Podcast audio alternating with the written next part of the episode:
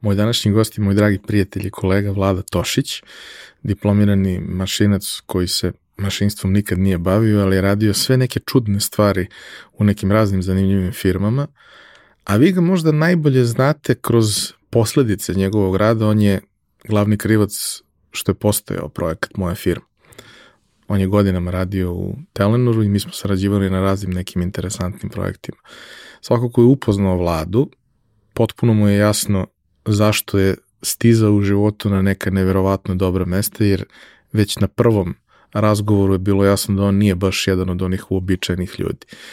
Na koliko je cool mesta stigao, uh, vidjet ćete u ovom razgovoru, ali postoji uh, možda jedna dobra ilustracija, to je da je on danas jedan od ključnih ljudi na globalu u Coca-Coli za neka razna komplikovana, inovativna tehnološka pitanja i rešenja i jedan od ljudi koji jedno od najvrednijih korporacija na svetu, jedan od najvrednijih brendova na svetu, uvodi u jednu novu fazu i pokušava da ga učini dodatno efikasnim i boljim u svemu što radi. Uživajte. Realizaciju ove epizode podržala je kompanija Epson, koja je vodeći proizvođač projektora i štampača za sve namene, od kućne i kancelarijske upotrebe do profesionalnih uređaja koji se koriste od maloprodaje do industrijske proizvodnje. Već 20 godina u nizu proizvode najbolje projektore na svetu, a prvi štampač napravili su pre više od 50 godina. I dan danas svaki godin ulože preko pola milijarde dolara u istraživanje i razvoj novih proizvoda sa fokusom na održivo poslovanje i očuvanje životne sredine. Upravo zahvaljujući tome, njihove inkjet uređaje najnovije generacije prave 94% manje zagađenja od konkurencije uz maksimalan kvalitet otiska. I vaš mobilni telefon koji sada nosite i na kome nas možda slušate i gledate, najverovatnije je napravio robot koji je stigao iz Epsonove fabrike. Roboti su super. Japanski roboti pogotovo. Za slučaj da želite da nas podržite vi individualno, uh, možete da posetite link u opisu podcasta na platformi Buy Me a Coffee i tu možete kupiti mesečnu pretplatu ili jednokratno donirati neki jednost koji želite. Hvala vam unapred na tome.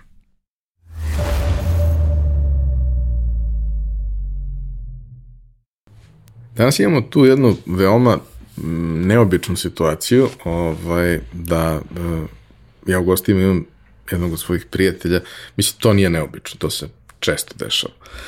Ali imam čoveka koji je možda jedan od najzaslužnijih za neke jako divne stvari koje sam radio u, u svojoj karijeri. I u principu on je glavni i osnovni direktni krivac za projekat Moja firma.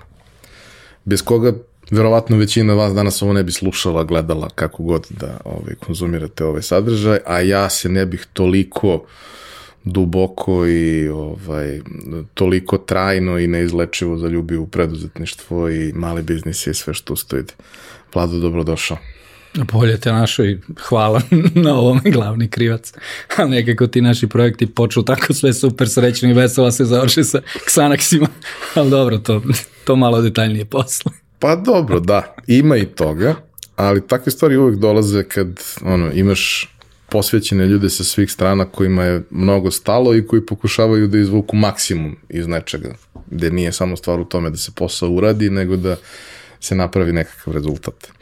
E sad, tvoja karijera je vrlo neobična, komplikovana. Tvoj CV je jedan od onih što ne mogu da stanu na, na jednu stranu, ni na dve, ni tako. Ovaj, I ti si kroz karijeru prošao kroz mnoge industrije na raznim nekim pozicijama, od kojih su neke bile vrlo onako očekivane, klasične, uobičajene, ali si u jednom trenutku napravio twist koji te vodio kroz neke vrlo neobične, inovativne uloge u kompanijama gde baš i nismo mogli da zamislimo da tako nešto postoji. Ali pričat ćemo o tome. Prvo pitanje, kao i za sve ostale naše mančmelo pitanje, šta se te budeš kad porasteš? E, e, razmišljao sam, ne, ne mogu se setim baš kad sam bio mali, jer sam imao neku viziju, nešto, ali sećam se vremena kad je trebalo birati faks. O, ovaj, ja sam tad hteo da budem košarkaški trener. To mi je bilo kao, igrao sam basket neko vreme, onda sam se povredio, klasična priča, jel, nema ništa od toga, kao doviđenja. Tad u to vreme se to nije operisalo, ono, hrskavica u kolenu, sad je to rutina, ali tad nije bilo, davno beše. I ja hteo da budem košarkaški trener, kao upisat ću DIF, pa posle DIF-a trenersku školu, pa ću onda da budem trener. Ove, ovaj, I sad što se nije desilo, zašto su bile vesele 90. I onda ako ne upišeš tehnički fakultet, ideš u vojsku. Ideš u vojsku, ideš u rat. Mislim, kao to je bila matematika vrlo jednostavna. I tako ja odustanem od tog sna i postanem dipol ing mašinstva. E, što baš mašinstvo? Um, pa opet jedan decision tree, što bi rekli ovi naši stari. Tad se polagao primni i za mašinstvo se polagao samo jedan predmet, matematika. Ja sam išao u matematičku gimnaziju, sigurica, to ću da pišem sigurno. I drugi razlog je bio, znači opcije su bile mašinstvo i elektronika, pošto sam ja u Nišu ovaj, živeo i studirao. Nema elektrotehnika, nego elektronika. A moja sestra bila asistent na elektronici na prvoj godini. I kao, ne. Svi će da me zezaju. Kao, ne dolazi još. I tako ja odaberem mašinstvo i eto. Ono što mi je bilo krivo posle je što realno koliko sam se ja trudio oko tog mašinstva, ja sam mogao još jedan faks paralelno, o, i tako da ne znam što nisam upisao i DIF i mašinstvo, jedno da odlažem vojsku, a drugo da možda budem trener, pa možda bi me sad intervjuisao u drugom kapacitetu. pa vidjet će kakve će razlike pravio ovaj, u kolektivima gde to baš i nije uobičajeno, prilično sam siguran da bi ta karijera bila uspešna. Mada bi verovatno povlačila sa sobom dosta više stresa nego ova koju si odabrao. Uh, neću da te pustim da, da odmah pređemo na meso i sve ono što, što si radio. Hoću malo da te pitam o, o, o odrastanju i o tom nekom periodu i osnovne i srednje škole i posle fakulteta. Prosto šta su bile stvari koje pamtiš da su te interesovale? Šta ti uopšte ovaj, pokazalo da postoji mogućnost da se baviš tim nekim stvarima koje su bliže tehnologiji, tehnici, šta su bili, ko su bili ljudi koji su te inspirisali i šta su bile neke stvari sa kojima si se susretao i kroz predmete, i kroz knjige, i kroz filmove, i kroz sve ostalo koje su ti govorile ok, ovo je nešto što, što, što me zanima, ajde da malo idem uz ovu ulicu da im šta se dešava. Mm. Pa gle, iskreno tad to tipa osnovna srednja škola, nisam nešto imao ne, prevelike neke niti ambicije, niti interesovanje. To kao igrao sam igrice ko svi što su igrali tada, ono Commodore i tako to. Kad se slomio drugi joystick, nije mi više bilo toliko interesantno. Nisam bio od onih koji kao rastave telefon pa ga sklope da vide kako to radi. Nije to išlo u tom pravcu. Nisam ja nešto to manuelni tip. Više sam da ja razmišljam kako bi eventualno nešto moglo i tako te neke stvari. Ali uvek nekako sam tražio drugi način, drugačiji način da se nešto uradi. E, I, I mislim da tu ima dve ono neke stvari. Da imaš kratak fitilj, da te nešto nervira, što ovo ovako, jel ne može ovo pametnije, i da si dovoljno lenj da nađeš elegantan način da se to uradi, a ne da moraš da zapneš i da nešto brute forsuješ, nego kao, o što ne probali ovako i onda da se to desi, znaš, a ne ti da zato uzmeš ašov pa udri. O, tako da to je neki pattern, ja bih rekao, koji sam tu ovaj, primenjivao u, pa i tokom fakulteta. Mašinstvo je interesantno jer te tera da razmišljaš na, na, na dobar način. Da rešiš problem, ali kako su nam govorili na fakultetu, svako može da reši neki problem za 100 maraka, inženjer treba ga reši za jednu ili dve i da se to posle ne kvari.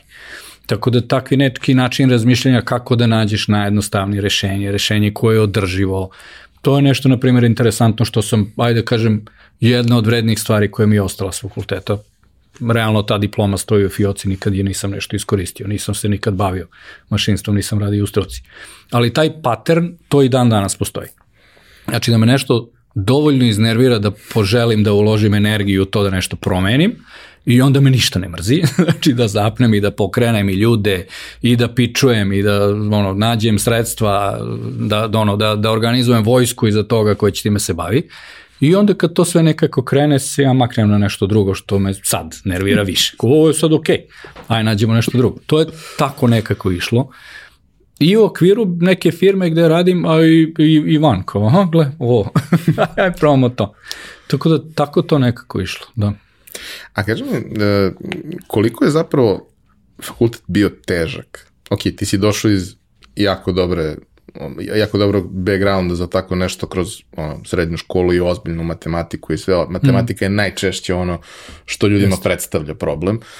Ali postoji uvreženo mišljenje i moj utisak je da je tačno da su kod nas ovi dobri tehnički fakulteti s jedne strane da imaju taj problem da nisu možda dovoljno aktuelni i tako dalje, ali sa druge strane da su zapravo jako teški. Mm. Da ono, taj proces prolaska kroz ispite godine i sve ostalo je baš onako proces surove eliminacije mm. i da neko ko završi ima dve stvari. Prvo, gotovo izvesno jako dobro zna to što je završio, a drugo, vrlo verovatno je malo oštećen u tom procesu. Kako je to bilo iz tvog Pa gle, ja bih dodao treću stvar, uporan. Sigurno. Bez toga nema šanse. Gle, ne znam kako je danas. Pričao sam skoro sa, sa momkom, to je sin od, od mog bivše kolege, ovaj, koji je upisao mašinstvo i ko nikad lakši fakultet. Meni je bilo stvarno mnogo čudno, kao ili je genije ili je stvarno su mnogo spustili kriterijume. Nekad, to ta 90-ih, to stvarno bilo dosta teško. Um, I recimo, ajde jedna, jedna um, mala, mala ovaj, digresija tu. Mnogo zavisi od profesora i težak predmet može da bude interesantan i lep i lak. Znači uvek ću da se sećam profesora koji je držao termodinamiku 2, što je kao jedan od najtežih predmeta za razumeti uopšte o čemu se tu radi. To je termodinamika na nivou čestica. I stvarno su teške stvari. Čovjek to toliko lepo kroz nekakav storytelling objašnjavao da ti jednostavno kapiraš. Ima drugih zbog kojih su ljudi ostavljali fakultet. Znači, toliko ga napravi teško i nemoguće i pokušava da ti oteža, da je jednostavno, ok, polažeš 17. put, fajn, neće da se desi, ajmo na nešto drugo, na neki lakši, ako ima. Tako da mnogo je, mnogo je na, na ličnoj osnovi i jedna stvar isto koju sam zapamtio recimo i koja me ono tad baš žuljala, um, tad se pojavio bio ono AutoCAD, postao dostupan, da, da kažemo. Svi smo imali isti, isti kod, ok. O, ovaj, I nekoliko nas tu počelo nešto s tim da eksper, eksperimentiše, malo da crta grafičke radove, to je jedan od napornijih delova mašinstva, je to crtanje. Ti grafički radovi koje moraš da overiš, pa posle pismeni, pa posle usmeni, svaki ispit ima više delova. I sad doneseš na overu te radove i, i vidi asistent da je rađeno na kompjuteru i kao ja ovo ne mogu da potpišem. Po, zašto? Pa ne znam da li si ti radio. Kako znaš kad je crtano tuše? Mislim, koja je razlika? Ne, ne, ovo si ti mogu da oštampaš za pet minuta. I neće da overi. Znači, digitalna transformacija već tad me to nerviralo čoveče, ovo nije fair. Kao, ja znam to da radim, a ne dozvoljavaju. Tako da ono, ima tu interesantnih anegdota sa, sa faksa. O, da je bilo lako, nije bilo lako, trajalo je godinama, svaki ispit iz više delova, a, nedovoljna, na primjer, jedan profesor nam je doneo tri knjige i pokazao nam pristup, mi nismo imali priliku da vidimo tako nešto. Doneo je američku knjigu, nemačku knjigu i rusku knjigu. Ovo su nam tri principa u obrazovanju. Ruska knjiga, kaže ga 100 strana, 98 strana teorija, dve strane zadaci. Američka knjiga, dve strane teorije, 98 strane praktična primjena. Nemačka knjiga negde na pola, kao 20-ak, 30 teorija, pa kao je sad da mi to dobro izbrosimo. Kao, e, to su vam tri principa. Kod nas uglavnom ruska metodologija. znači, bubajte teoriju, a šta ćete vi od toga da primenite? To ćete da učite kad se zaposlite. Ne znam da li i dalje tako, da li se nešto promenilo sa ovim, kao imaš tri godine pa master pa itd. Realno ne znam, interesovat će me za koju godinu kad mi ono, deca stasaju za faks, sad je tek srednja škola i upis aktualan, ovaj, ali to je jedan veliki bug u obrazovanju i čitav sistem obrazovanja i manjak korišćenja tehnologije na pravi način itd. Ko zna, možda ću jednom time da se bavim, pošto počinje da me nervira. A kaži mi, taj moment, ovaj, naravno, to se dešava u neko veoma osetljivo vreme, u smislu, jedno užasno vreme, vreme u kome nema ničega, nigde, ništa nije dostupno, dešavaju se manje više redovno tragedije u nekom našem okruženju, pritisak je ogroman i to sve. I sam prosto, ono, kako izgleda u, u to vreme pokušavati da budeš odgovoran prema sebi, porodici, svim ostalima, da budeš dobar student i sve što tu ide, a nekako imaš utisak da to nema nikakvog smisla. Mm. Pa ne znam kako je bilo onima koji su bili dobri studenti, ja nisam bio baš dobar student. ja sam studirao, nemam pojma, mislim, jedno 7 godina, imao sam neki onako bedan prosek, bio sam bukvalno otaljavao minimum, jer sam ja to i upisao, ne iz razloga što me interesovalo, nego što sam morao. Pa kad radiš nešto što moraš, onda ga ne radiš baš super. Ovo, ovaj, druga potpuno priča, recimo moja žena tad mislim dobro, nije tad, malo kasnije mi je postala devojka, ne tad, 93. četvrte, kad, smo, kad sam ja počeo da studiram. Ona je recimo završila medicinu sa svim desetkama, ima samo jednu devetku. Ja sam tada vidio šta znači naporan rad kad stvarno studiraš nešto što te zanima. Pa uopšte nisam bio u tom filmu, zato mi je krivo što nisam upisao i div i završio dva u isto vreme. Ovo, ovaj, da je bilo teško, sve je bilo teško. Znači, ono, doći do, do, do knjige, do skripte, do bilo kakvog znanja, nemaš ništa na internetu da možda pogledaš, igde išta, um, ozbiljno siromaštvo u čitavoj zemlji, to je znači 90 treća, četvrta, tako nešto, znači ono najgore, najgore vreme. katastrofa živa, znači ono, gomile dinara koje ne vrede ništa, dan danas čuvam neke te ono, nučanice iz tog doba, one 500 milijardi i haos. Ne ponovilo se, znači to je, to je sve što imam da kažem sad onako, sluti sve i svašta ovi ratovi koji su počeli, inflacije koje polako ono, pomalja glavu, nadam se da neće u tom pravcu, jer stvarno je ono, ja mislim da je najveća vrednost tih godina što je puno nas razvilo nekakvu otpornost na nenormalne situacije koja se posle mnogo dobro vraća. Znači, mene danas realno malo šta možda izbaci da kao, brate, šta ćemo sad? pa prošli smo i gore, mislim, ko, ok, kad smo preživali ono, preživat ćemo još to što. I razmišljaš malo drugačije, malo se spremaš i za ovo i za ono, imaš plan B, plan C, plan D, itd. Tad realno nas je pa iznenadilo, to se desilo djedared, baš tebi i jednostavno sve krenulo nizbrdo. Danas mislim da taj resilience, što kažu i stranci, da je jedna karakteristika koja je fantastična, koje ljudi koji su prošli neki težak period života imaju za uvek. Ako se nisu potpuno ovaj, izgubili u tom. Da, mislim kad je, kad je počela korona, ja sam ostao zaglavljen u Americi i tad sam zapravo prvi put video kako to izgleda u nekom društvu koje ono nije naviklo da im nestane struje, a ne nešto da se desi uh, tog tipa, naravno, ne znam, bio je, bio je SARS, bila je ta priča, ali to je sve bio neki, to je bilo par dana panike i nakon toga kao da ništa neće da se desi. Ovo je bilo izvesno da neće da bude par dana i da koliko god ima razvijen supply chain i sve radi, fun, fun, ove, funkcioniše fantastično, kao nema maski, mm. nema mm. ubrusa, nema alkohola, nema ničega od toga.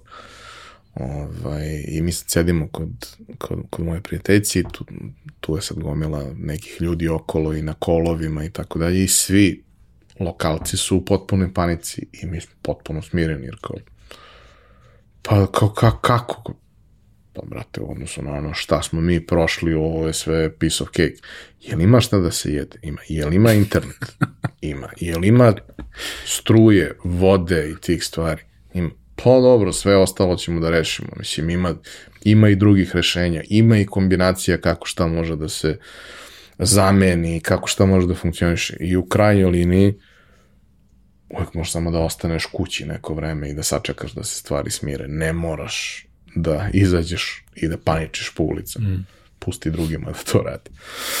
Ovaj, da, činjenica je da, da uh, nas je to učinilo otpornim i na neki način sposobnim da se snađimo u najrazličitim situacijama.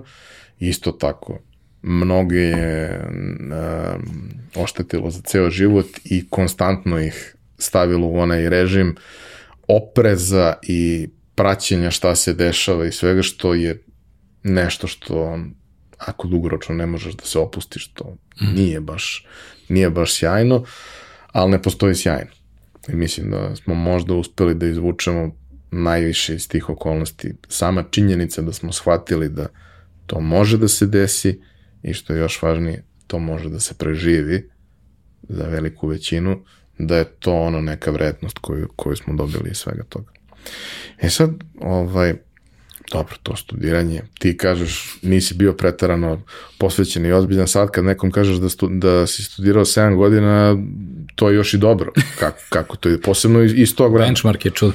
Ne, tako da, ok. A šta ti je bio prvi posao? Um, posao, posao u smislu zaposlenja ili bilo šta? Bilo šta, pa onda posle i zaposlenje. Um, Pa još u srednjoj školi sam radio kao nekakav kelner slash šanker, tako nešto. O, ovaj, imali smo neko porodične prijatelje koji su imali neki kafić, pa sam ja tamo tokom leta radio. ono, radiš mesec, dva, zaradiš nek, neku kinticu i možda odeš u Crnogoru sa, sa društvom. To mi je bilo ono prve pare, nezvanične, skroz.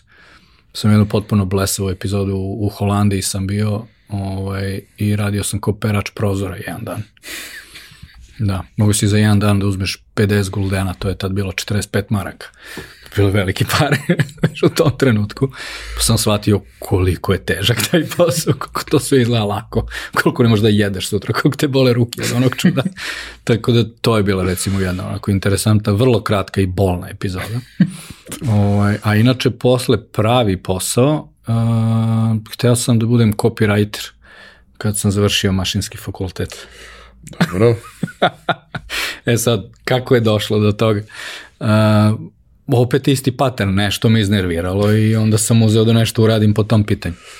Uh, ja sam bio, po dan danas sam TV manijak, ajde da to tako kažemo.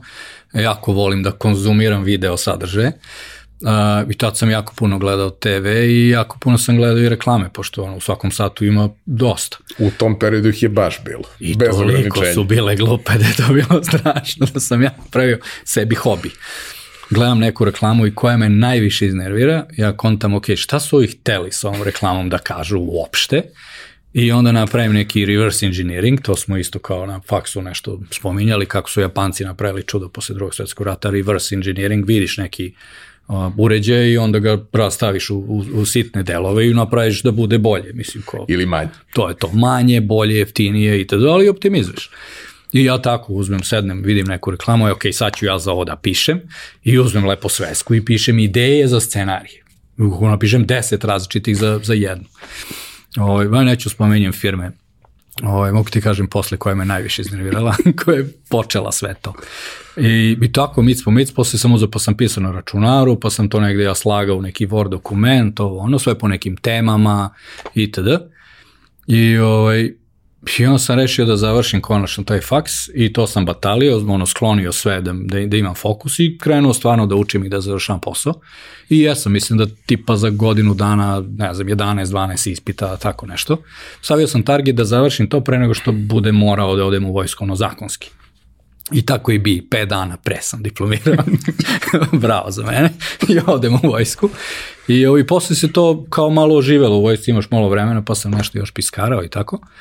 O, ovaj, I poslao sam jednoj agenciji ideju uh, za, za reklamu. I oni to prihvate. Ja dobijem honorar i pošaljem mi paru u vojsku. Dobio sam 400 dolara. Sve sam častio. znači, ostavio sam jedan dolar, kao to mi je prvi dolar, dan danas ga čuvam, to je kao prvi dolar koji sam zaradio od advertisinga, dolar sam hteo, ne marke, evre, šta god, nego dolare kao advertising, it's an American thing, right? Uh, dan danas ga čuvam, i, a ostalo sam sve potrošio i opet sam to parkirao, kao u vojsci sam, mislim, nema ništa od toga. Posle vojske sam godinu dana vrlo uporno tražio posao u struci. Hoću ja da budem inženjer, ja sam to završio, ja tražio, tražio, išao sam na brat, bratu 50 intervjua, Poslednji kad sam odustao bio je u, u Niškoj toplani koji je imala a, projektni centar za termotehniku a, uslužni kao, ono, za, za, za razne klijente. Ja otišao tamo i nudio da budem ne inženjer, nego hoću da budem crtač, da, da, da, da radim u AutoCAD-u i da crtam i kao nema nikakve računice iza toga. Ja samo da crtam, da uđem. Ko je tebe poslao? Ok, odo ja odavde i ništa, to je bilo to. I onda sam te radove koje sam skupljao, ovaj, nakon noći reklamoždera, a, gde imali su neki kao program a, odštampani, tu bile neke dve agencije kao sponzori i imala ona adresa office at ili info at, nešto i ja tamo pošaljem. Ko, ok, se nešto desi, desi. Zove me čovjek iz jedne od tih agencija. Veljko neki divan. Zove me, kaže, e, ovo je strava što si poslao. Ja da nisam prošlog meseca dvoje primio, ja bi tebe primio sigurno. I ja već kao, ok, nema ništa od toga. Kaže, ali ja ću da ti dam 10 email adresa od mojih prijatelja iz drugih agencija, znači ne info, ne office, nego kao ime, prezime, direktori, client service direktori, kreativni direktori itd. Neko će te primiti. Ovo je super. Pio, hvala. Potpuno neočekivao, kao dobra vila, pojavi se čovjek nije otkudu i kao puf. Ja pošaljem na tih 10 ovaj, email adresa, dobijem odgovor od pet, pozove me na intervju u dve agencije i dobijem dve ponude. I počnem da radim kao copywriter. Naravno kako se počinje u agenciji da se radi mesec dana jel, gratis, što bi se reklo. I onda kao hoće da me prime, sve super, ja donesem ovaj, dokumenta i oni vide diplomu mašinstva. Šta je ovo? Ko, ja sam mašinac. Da budeš copywriter. Kao, aha. Kao, ne, ne, ti treba da budeš media planer. Kao, šta je to media planer? Nemam pojma, to, to je bila kreativna agencija, ja sam počeo u Sači Sači. Ovaj, nema niko ko se time bavi, ne znam šta je, ako, ako bi mogli mi objasniti, ko ima tamo, jedan on zna, i onda odem tamo kod nekog ko se time bavi. I čovjek mi kaže, što je, tu sti, brate, Excel i formule, baze podataka, broje, o, pa to super, aj to da radimo. I tako sam postao onda, zaposlio sam se kao media planer, iako sam hteo da budem copywriter. I osam godina sam se bavio time u toj agenciji. Da. A kako si e, nadomešćivao tu potrebu za kreativnim? E, pa mnogo su bili fini, uključivali su me s vremena na vreme. To je bilo super. Uh, prvo što medija planiranje je jedan vrlo kreativan posao, samo što ne možeš da budeš kreativan bez brojki, pa onda ne može baš svako da bude kreativan u tome. Ne može neko s umetnička akademija da dođe pa da bude kreativan u medija planiranju. To je teško ako ne razumeš brojeve. Um, jer sve se vrti oko toga, sve su neke, neke istraživanja, neki podaci, gomile podataka, ništa teško, mislim, Excel se koristi i tako to, ništa ono, spektakularno. Dobro, danas verovatno ima puno više alata, ovaj, ali prvo, to je kreativan posao, stalno možeš nešto da, da izmišljaš, da probaš druge nove stvari. Drugo, vrlo si blisko vezan sa klijentom i vrlo si blisko vezan sa kreativcima. I onda možeš da uđeš u proces ranije, ako, na primer, najbezbednije kad je neki pitch, kad je tender, kad da kažem organizuje neki klijent i onda sad naša agencija i kreativno i medijski, na primjer, se trudi da dobije. To je nekako posao sa vrlo malim rizikom, jer relativno mali procenat pičeva se dobije, ali su sjajna prilika da se vežba i nešto da se proba. I onda te uključe, ako si u medijima, uključete i u kreativni deo, pa možda daš i neku ideju ili da se nešto koriguje ili da se primeni, na primjer, neko kreativno rešenje na neke medijske kanale da oni nisu možda tako razmišljali, pa imali smo i tu neke ono, avanture sa tim. Tako da nije mi, uopšte mi nije nedostajalo daleko od toga da je nekreativan posao, ne bi toliko dugo uspeo time da se bavim.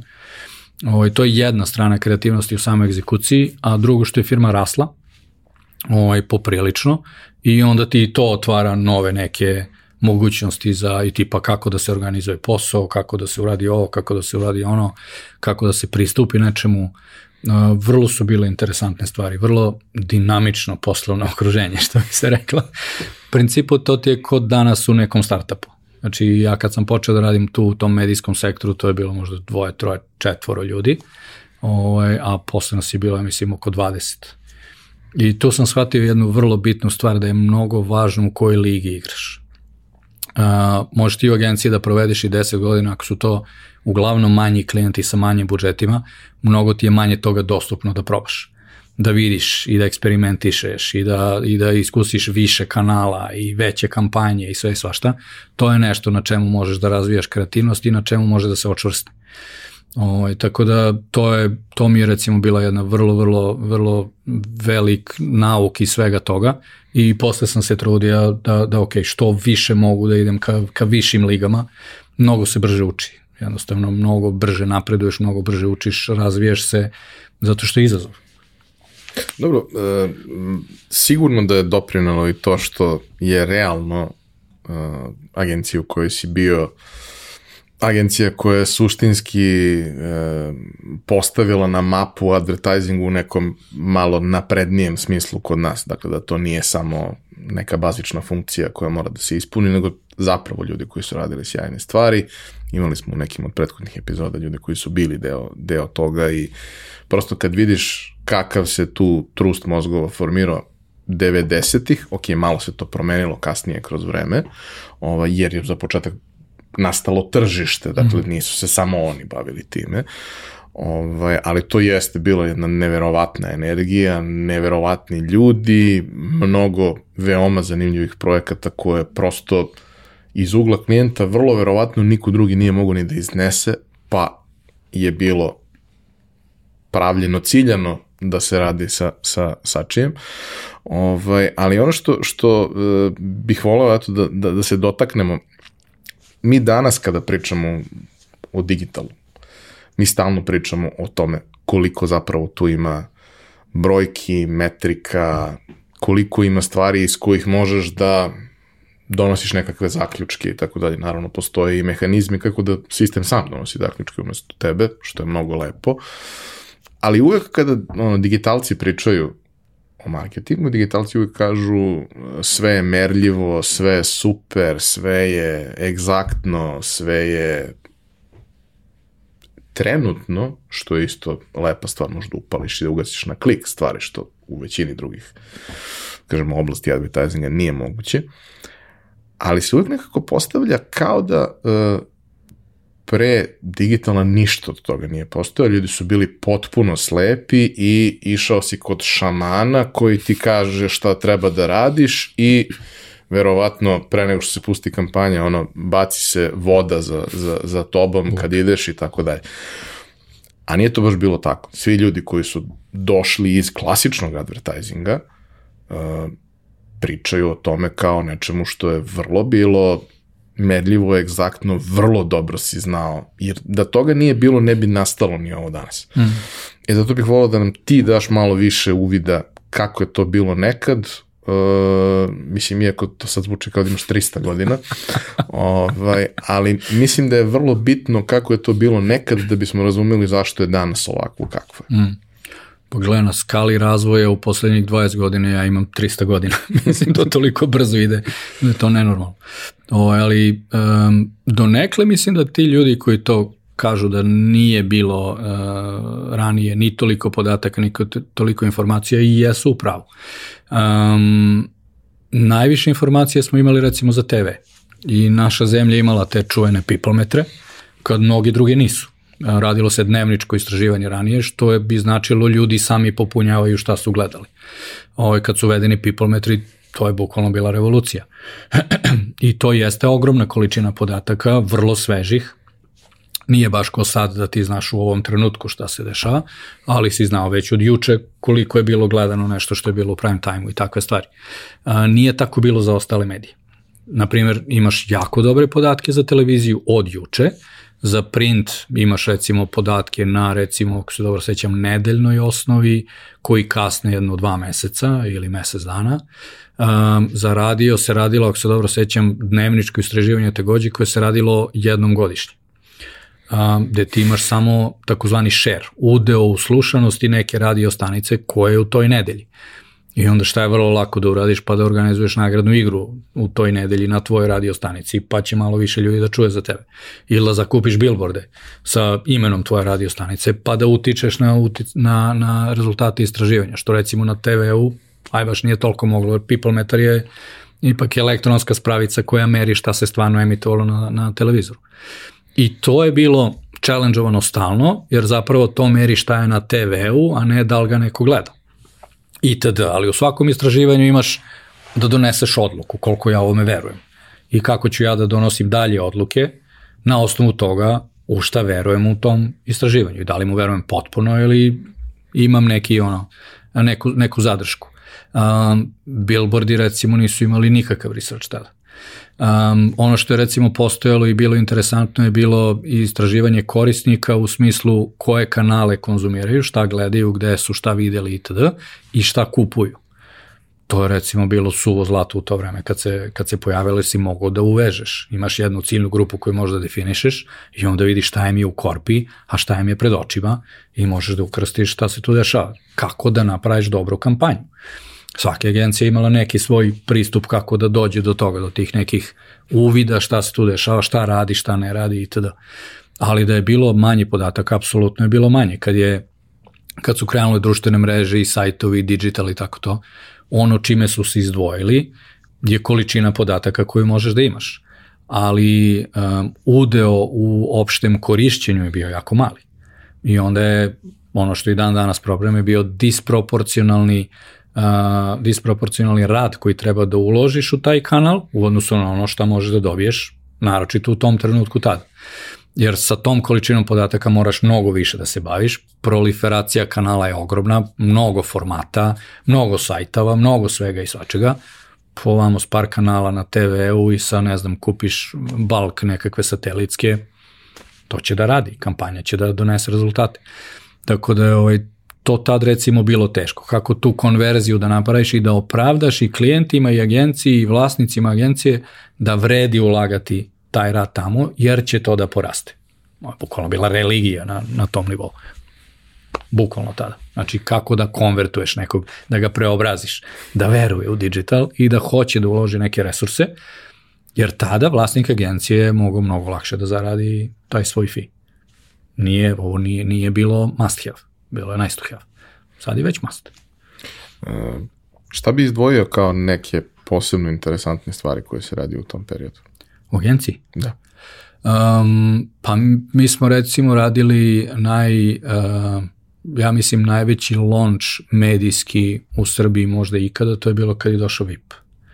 Um, to je recimo bilo nešto što je sad igram u velikoj ligi. Ono, top. Jer bukvalno je bio, ja mislim, najjači advertising mesec ili dva, možda u istoriji oglašivačkih kampanja u Srbiji, a sve moralo da se radi u užasnoj tajnosti jer nisu želi da se zna brend i tako dalje. To je recimo bilo nešto što je bilo užasno interesantno. Um, moj sam početak u, u medijima je bio pitch za Procter Gamble.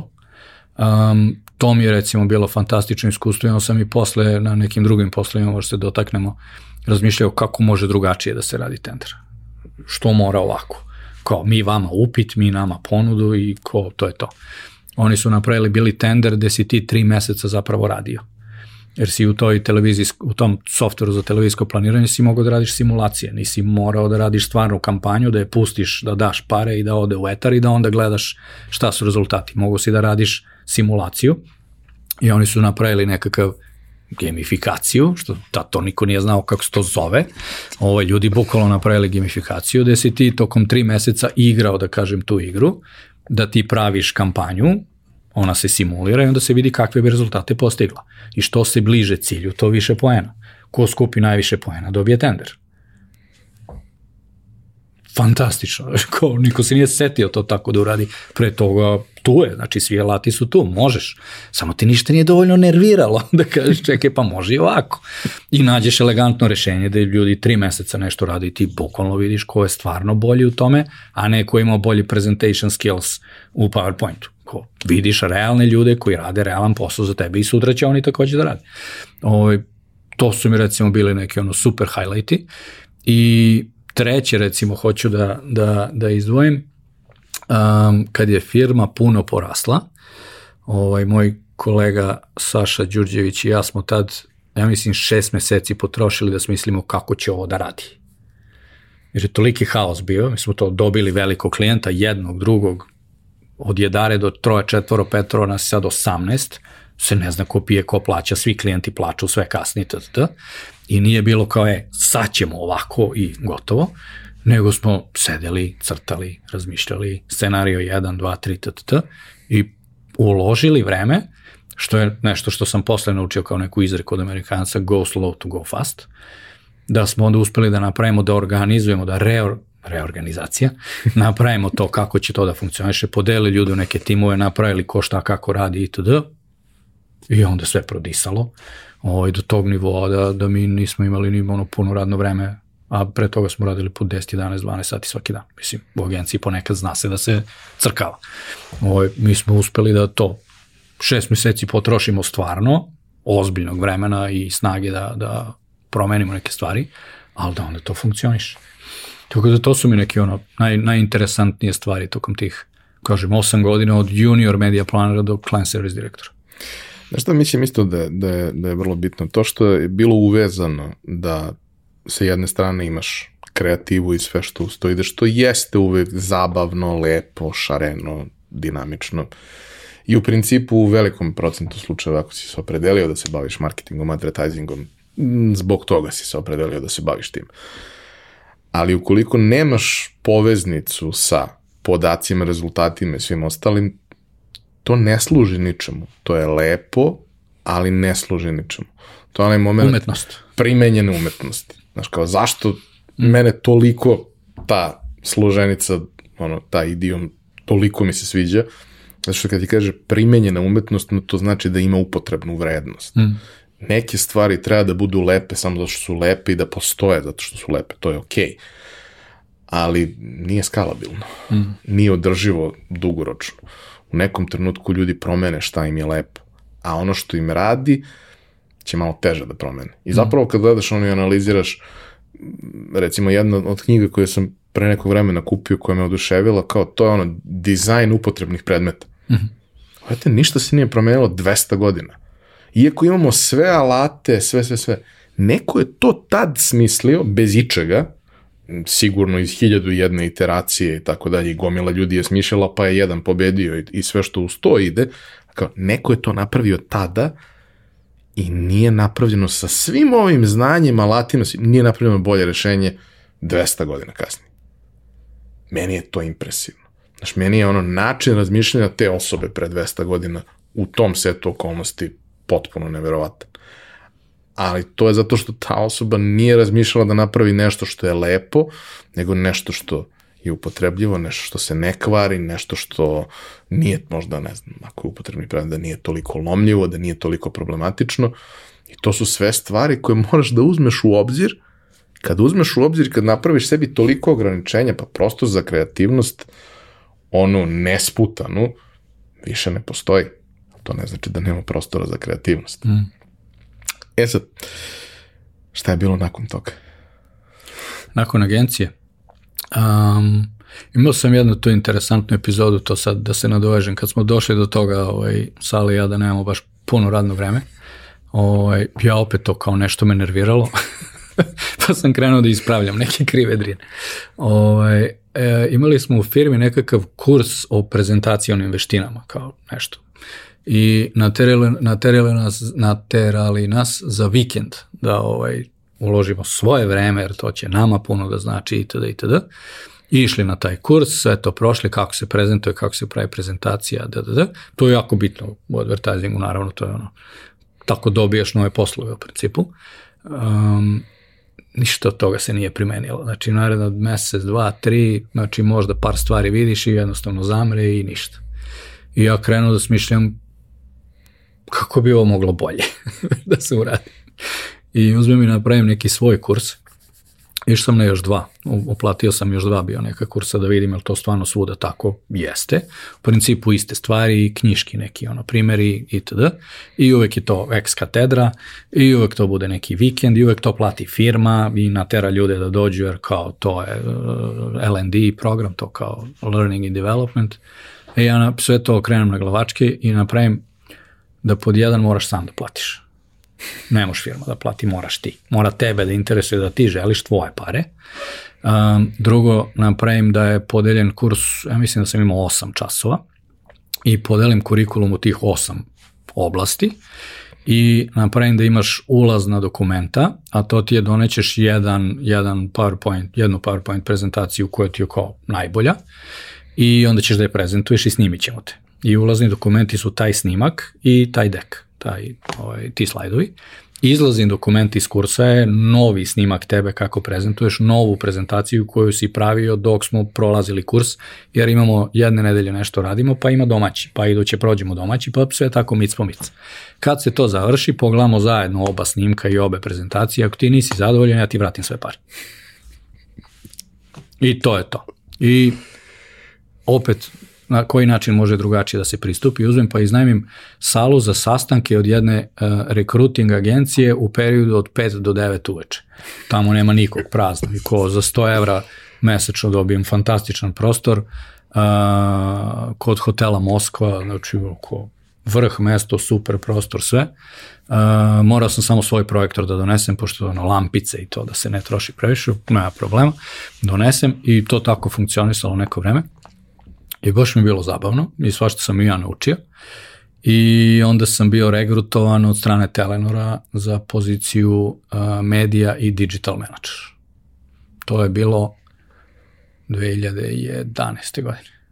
I tad sam rešio da pređem na uh, stranu klijenta, kako se to govori u agencijskom svetu, da promenim tabor.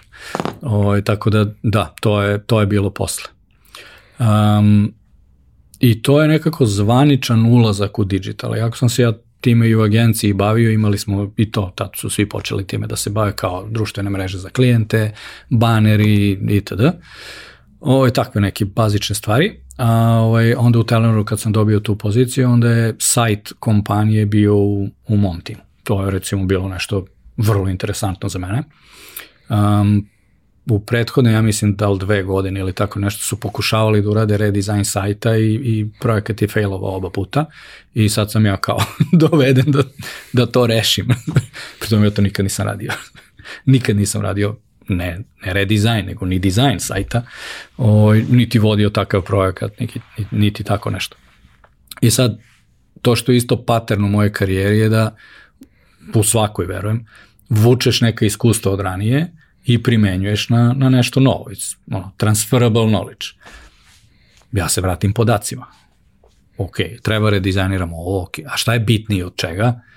Po kao ovo je bitno zato što to vole komunikacije, ovo je bitno zato što to voli ovaj, voli onaj, a šta vole korisnici? a, aj pogledamo. I sad kad pogledamo, onda vidimo šta treba da radimo prvo.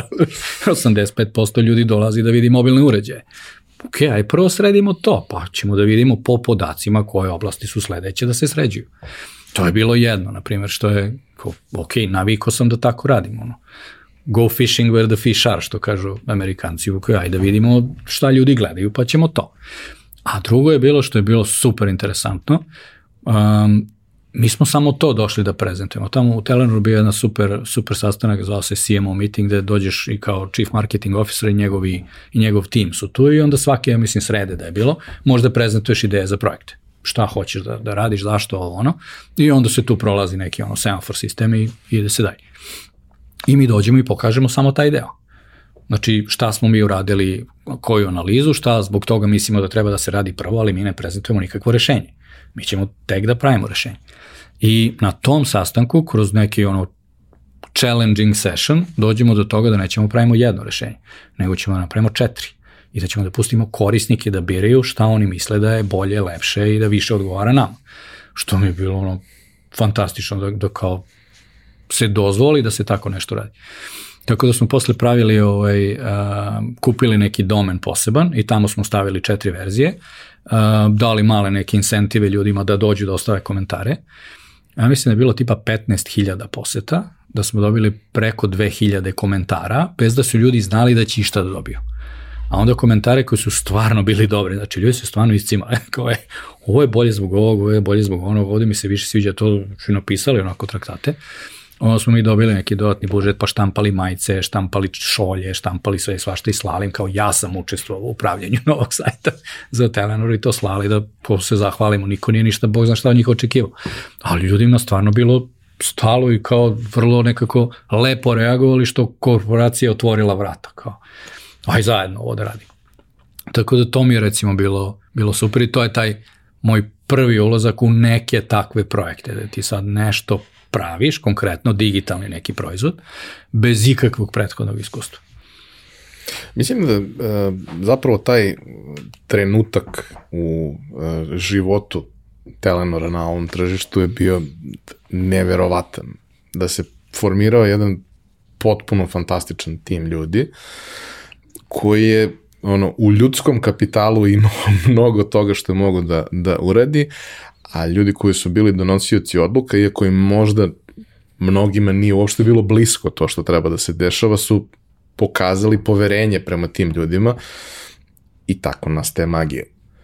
Jer te stvari posebno tada, mislim, pričamo o periodu pre 11 godina, su bile izuzetno redke. Sve je to bilo nešto što mora da se uradi, pa daj, ajde da vidimo kako to može što jednostavnije, što jeftinije i tako dalje.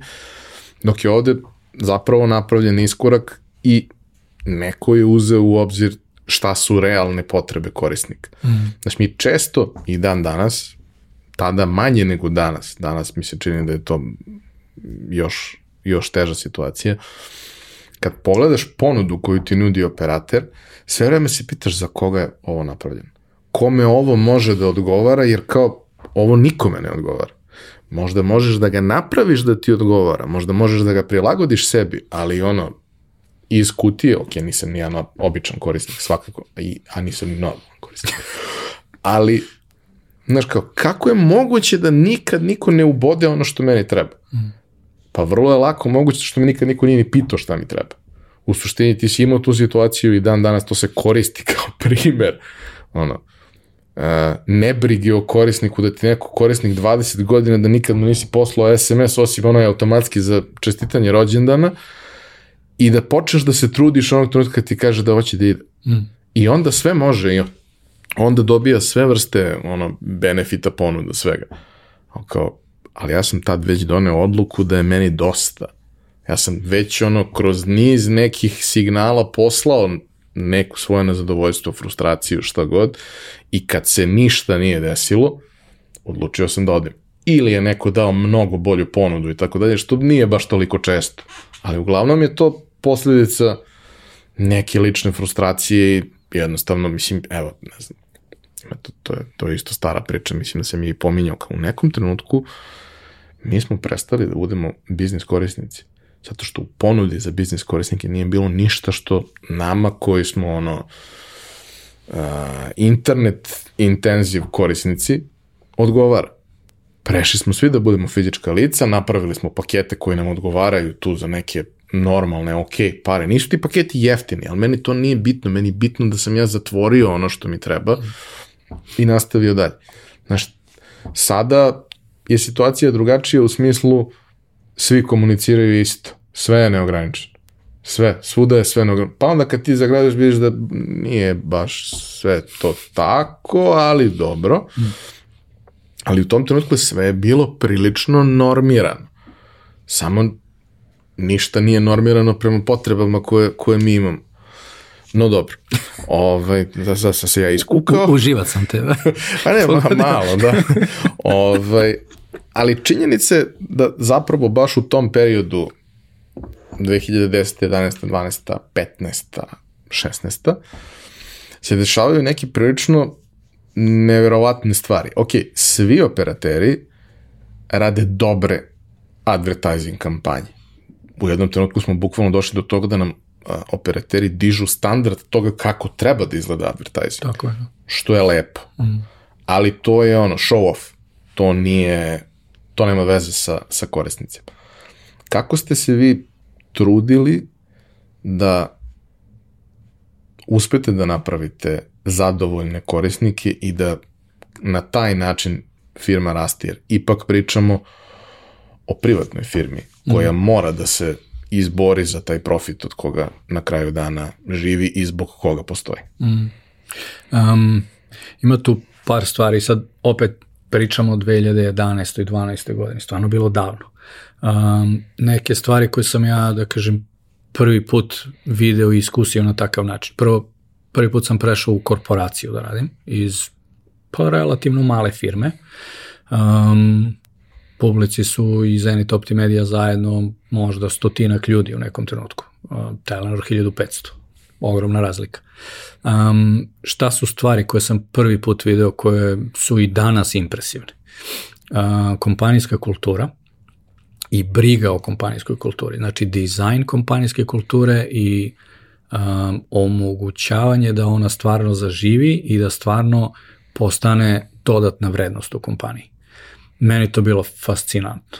Um, kako neke jednostavna neka pravila, tipa imaš nešto što se zove make it easy. Zvuči ko jednostavno, ali tebi to kad postane način rada i kad svaki put kad nešto pravimo, moraš da razmišljaš da li je ovo dovoljno jednostavno za korisnika, može li lakše, na koji način. Pa kad radimo nešto interno, jel može lakše, jel može bolje, jel može brže da se završi, onda te stvari počnu da se dešavaju. Drugo što je to bila kompanija u norveškom vlasništvu um, i oni imaju jednu mnogo lepu izreku, ja sam posle i, i radio u Oslo neko vreme, uh, work smart, not a lot. Znači šta će uvek tamo da se desi pod jedan da se prioritizuje. Ok, imamo 20 želja šta bismo odradili, a ih poređamo od 1 do 20. Nema veze, možemo, ne možemo. I sve da možemo da ih radimo. A i mi da ih prioritizujemo, pod jedan. Pod dva, ali imamo mi resurse ovo sve da uradimo? Nemo. Aha, gde ćemo da isečemo? Znači, na šta ćemo da se fokusiramo? To je recimo super, pošto to u agenciji ne postoji. U agenciji sve što dođe na sto, sve mora se uradi.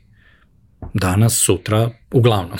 znači, nema to kao, ovo ćemo za tri meseca, ovo ćemo sad. Sve je hitno i sve je bitno. Ovamo to nije bio slučaj. Možeš da se fokusiraš na neke stvari. I treća fantastična stvar je bilo istraživanje korisnika. To je bukvalno bilo suvo zlato. Kad, kad to dobiješ kao neko ko treba da pravi kampanje ili medija planove ili bilo koji razvoj proizvoda, ti vidiš osobu.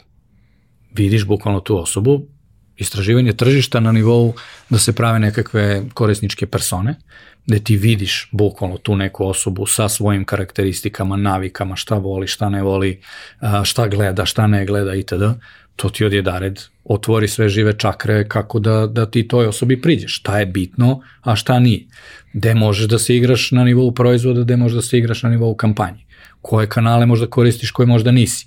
Itd. Tako da taj neki sistem koji je bio jako dobro napravljen, um, za koga se radi, na koji način se radi, šta čemu služi, šta je od čega bitnije i dosta velika sloboda u okviru toga. I da probaš, i da testiraš, i da izađeš iz nekih okvira, um, opet ta viša liga ti donese to. Jednostavno ima dovoljno budžeta, ima dovoljno uh, fleksibilnosti da možeš da, da si priuštiš, da kažem, da probaš neke stvari. Pa ako ne uspe, ne uspe. Naučit ćemo nešto novo. Možda ćemo onda budemo pametniji kad radimo nešto što uobičajeno radimo, pa će da i to bude bolje. Tako da meni su to bile onako fascinantne stvari u, u, u tom prelasku, um, koliko je to sve drugačije i kako jedna zapravo toliko velika firma može da diše kao jedno. To mi je bilo fascinantno. A, sa jedne strane ti imaš mogućnost da radiš sve te stvari, imaš i neke resurse, imaš i neko znanje koje ti je na raspolaganju, koje je sa drugih tržišta i tako dalje, što možda ne može da se primeni ovde, ali je dobar, ono, dobra hrana za glavu. Ovaj, a sa druge strane, ti imaš ogroman broj korisnika i ti znaš kako oni koriste. Ne kako oni kažu da koriste. Mm. Ne, ti vrlo egzaktno vidiš kako okay. oni koriste vrlo egzaktno, čak na nekom nivou vidiš i koje oni probleme imaju, jer kao ako koristi nešto jako dobro i onda ima pad, vrlo verovatno tu postoji neki problem sa mrežom ili nešto tog tipa.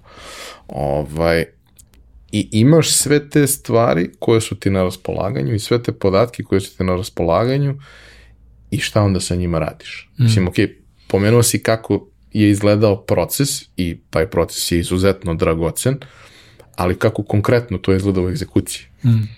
Um, to je uglavnom, bar u Telenoru, ne znam drugde, pitanje za ljude koji se bave CRM. Jer um, postojale su te kampanje koje su uh, medijske kampanje, a čitav drugi set kampanja koje su takozvane stealth kampanje, koje ne vidi svako, koje ti vidiš kao korisnik nekog profila i postojali su timovi koji su se mega ozbiljno bavili time. Znači, bukvalnim tim analizama, šta je next best offer, šta treba ponuditi, um, šta je neki gap koji negde može se zatvori, šta nekim korisnicima fali, uh, tu postoje razne metodologije, imaš šta je, ne znam, upsell, cross-sell, šta možeš da ponudiš od drugih usluga koje imaš i tako dalje.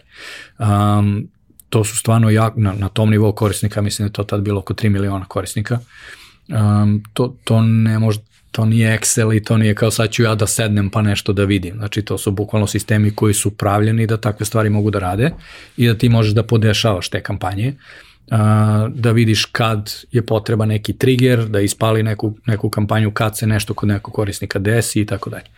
O, tako da ja se nisam time bavio, uvek mi je bilo interesantno, o, ali nikad nisam ušao u to. Uh, uvek sam bio na, na ovoj drugoj uh, vidljivoj strani, odnosno ono što ide na medije. Tako da, nažalost, ne mogu detaljno nešto da ti odgovorim, ali znam princip kako je to funkcionisalo i naravno da smo morali da budemo sinhronizovani. Kad se razvija nešto, oni moraju da znaju šta je marketing ponuda i šta će biti, da oni mogu svoje CRM kampanje da prelagođavaju, da menjaju te pakete, nivoe i tako dalje. Ti si menjao svoju poziciju u Telenoru kroz vreme, ali ono što bih ipak voleo, na šta bih volao da se fokusiramo zato što je prosto to najlakši način da ljudi shvate, vizualizuju, je opet da izdvojiš neke stvari na kojima si radio. Dve. Olimpijac. Očekiva. I moja firma, naravno. Um, Olimpijac je bio super zabavan projekat. Telenor je bio, um, ako se ne varam, generalni sponsor uh, olimpijskog tima Srbije za London 2012. Um, I mi u marketinškim komunikacijama smo imali zadatak da se to ozbiljno isprati. Uh, tako da slali smo bili čak i naše ljude u, u London, bili su izveštači odande, imali smo dogovore sa nekim novinarima, pa smo time punili društvene mreže, tako sve i svašta. A meni omiljena aktivacija je bio kviz olimpijac koji smo zajedno radili, a, gde je svoje prste i a, Milan Obradović, legenda, umešao uh, umešao, mislim, bio glavni egzekutor u smislu spone između Telenora i, i vas tada. Um, nama inspiracija bio Conquistador i kao što ne bi napravili ovo samo da budu sportska pitanja. Uh, sa ne mnogo velikim očekivanjima smo ušli u to, ali obično kad ti uzmeš nešto da radiš, onda zapneš preko svake mere, ovaj, pa i tad, ja ne znam, baza pitanja je bila tipa 3000 ili tako nešto, Počeli smo sa tako nekom idejom i u nekom trenutku smo došli na 28.000 pitanja, e, da se ne bi ponavljalo, jer ljudi Jer će da preteraju. će da provale. I kulminacija svega toga, uh, događaj uživo u zgradi Telenora smo pravili bili uh, finale, gde su ljudi se uživo takmičili, gde smo mi svi iz kompanije bili apsolutno fascinirani. kako ovi ljudi ovo sve znaju? Prvo, kako je ovaj ludak smislio sva ova pitanja, drugo, kako oni znaju odgovore, šta se ovde dešava. To je bilo za mene jedno onako potpuno fascinantno iskustvo, da budem u toj sobi i sve to, da, da gledam kako se dešava i da sve prođe kako treba i da svi budu prezadovoljni i da vežemo onako jednu mašnicu na sve to i da pobednika pošaljemo u London koji je dominirao na sportskim pitanjima i da sad dobije još i, i priliku da ode i tako da je. To je, to je bilo jedan fantastičan projekat. E, moram da podelim par nekih tu zanimljivih stvari. Znači, Iza kulisa. ok, sa jedne strane mi imamo bazu od skoro 30.000 pitanja. Nije počelo sa tim, ali updateovano je kroz vreme, jer prosto ono, videli smo šta je ljudima zanimljivije, s druge strane videli smo šta im je teže da pogode, pravili smo neki odnos da bude i dovoljno relativno lakih pitanja, nijedno nije bilo lako, ali relativno lakih pitanja, ali da imamo i ona koja su zaista teška. Zašto zaista teška? Zato što ti koji su došli do toga da se takmiče uživo, što je, ako se ne varam, bilo 27 ljudi, jer smo na kraju troje slali, pa smo imali ono troglavi kup otprilike, ovaj, a, ti ljudi su imali preko 80% tačnih odgovora. A, mislim, postojala su pitanja koja su bila suludo teška. Znači, jednostavno suludo teška, da sam ja u jednom trenutku seo, ok, imamo lige petice u futbalu, jeste da nije olimpijski toliko relevantno, ali jeste sportski vrlo relevantno, svi mm. znaju da je futbol sport broj 1. Ok, lige petice poslednjih 60 godina, izvući ćemo neke najzanimljivije brojke što se tiče samih sezona, ko je koju poziciju imao, koliko titula i to sve. Jednostavno, kad te neko pita ko je, na kom mestu je završio ne znam, Bayern Minhen 68. godine i ljudi sa 80% tačnosti ti kažu koje je to mesto, to je strašno. Mm. I gomila takvih stvari je zapravo bila, ali ono što je posebno tu nevjerovatno je što se potrefilo, a nije to baš uvek slučaj, da ti ljudi koji su pobedili, to su ljudi koji su stvarno živeli za to. Mm. Meni se desilo sedam godina kasnije na koncertu u Novom Sadu da me sretne jedan od momaka koji je otišao, da me vidi, da me izgrli kao da smo rod najrođeniji, da mi kaže meni je to bilo jedno od najlepših iskustava u životu. Meni je to potpuno bilo ne, neverovatno da se desilo i kao naravno kao i svi. Ja sam mislio da je to prevara i da to neće da se, da se desi nikad, a ispostavilo se da se ipak desilo i kao ono, nisi ti imao ništa sa tim, u smislu nisi me ti odabrao, ali kao stvorio si mogućnosti, ja sam ti večno zahvalni, to se kao gledaš, kao, dobro. E sad, kako je to izgledalo iza kulise i zašto je to meni skratilo život jedno deset godina, nije preterano bitno, pričat, pričat ću jednom i, i, i tu traumu. Može ja tebe intervjušim i da A, da, da, samo, da, samo da ja budem u ležećem položaju.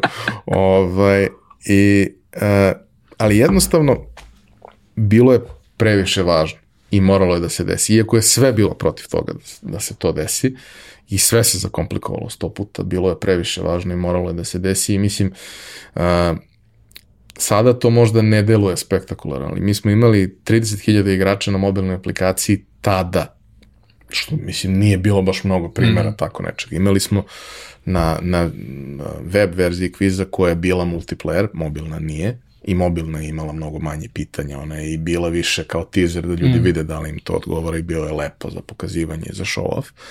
Ovaj, ali zapravo na, na web verziji kviza mi smo imali, ako se ne varam, preko 25.000 aktivnih igrača, imali smo ljude koji su odigrali preko 500 partija da se pripreme za tako nešto.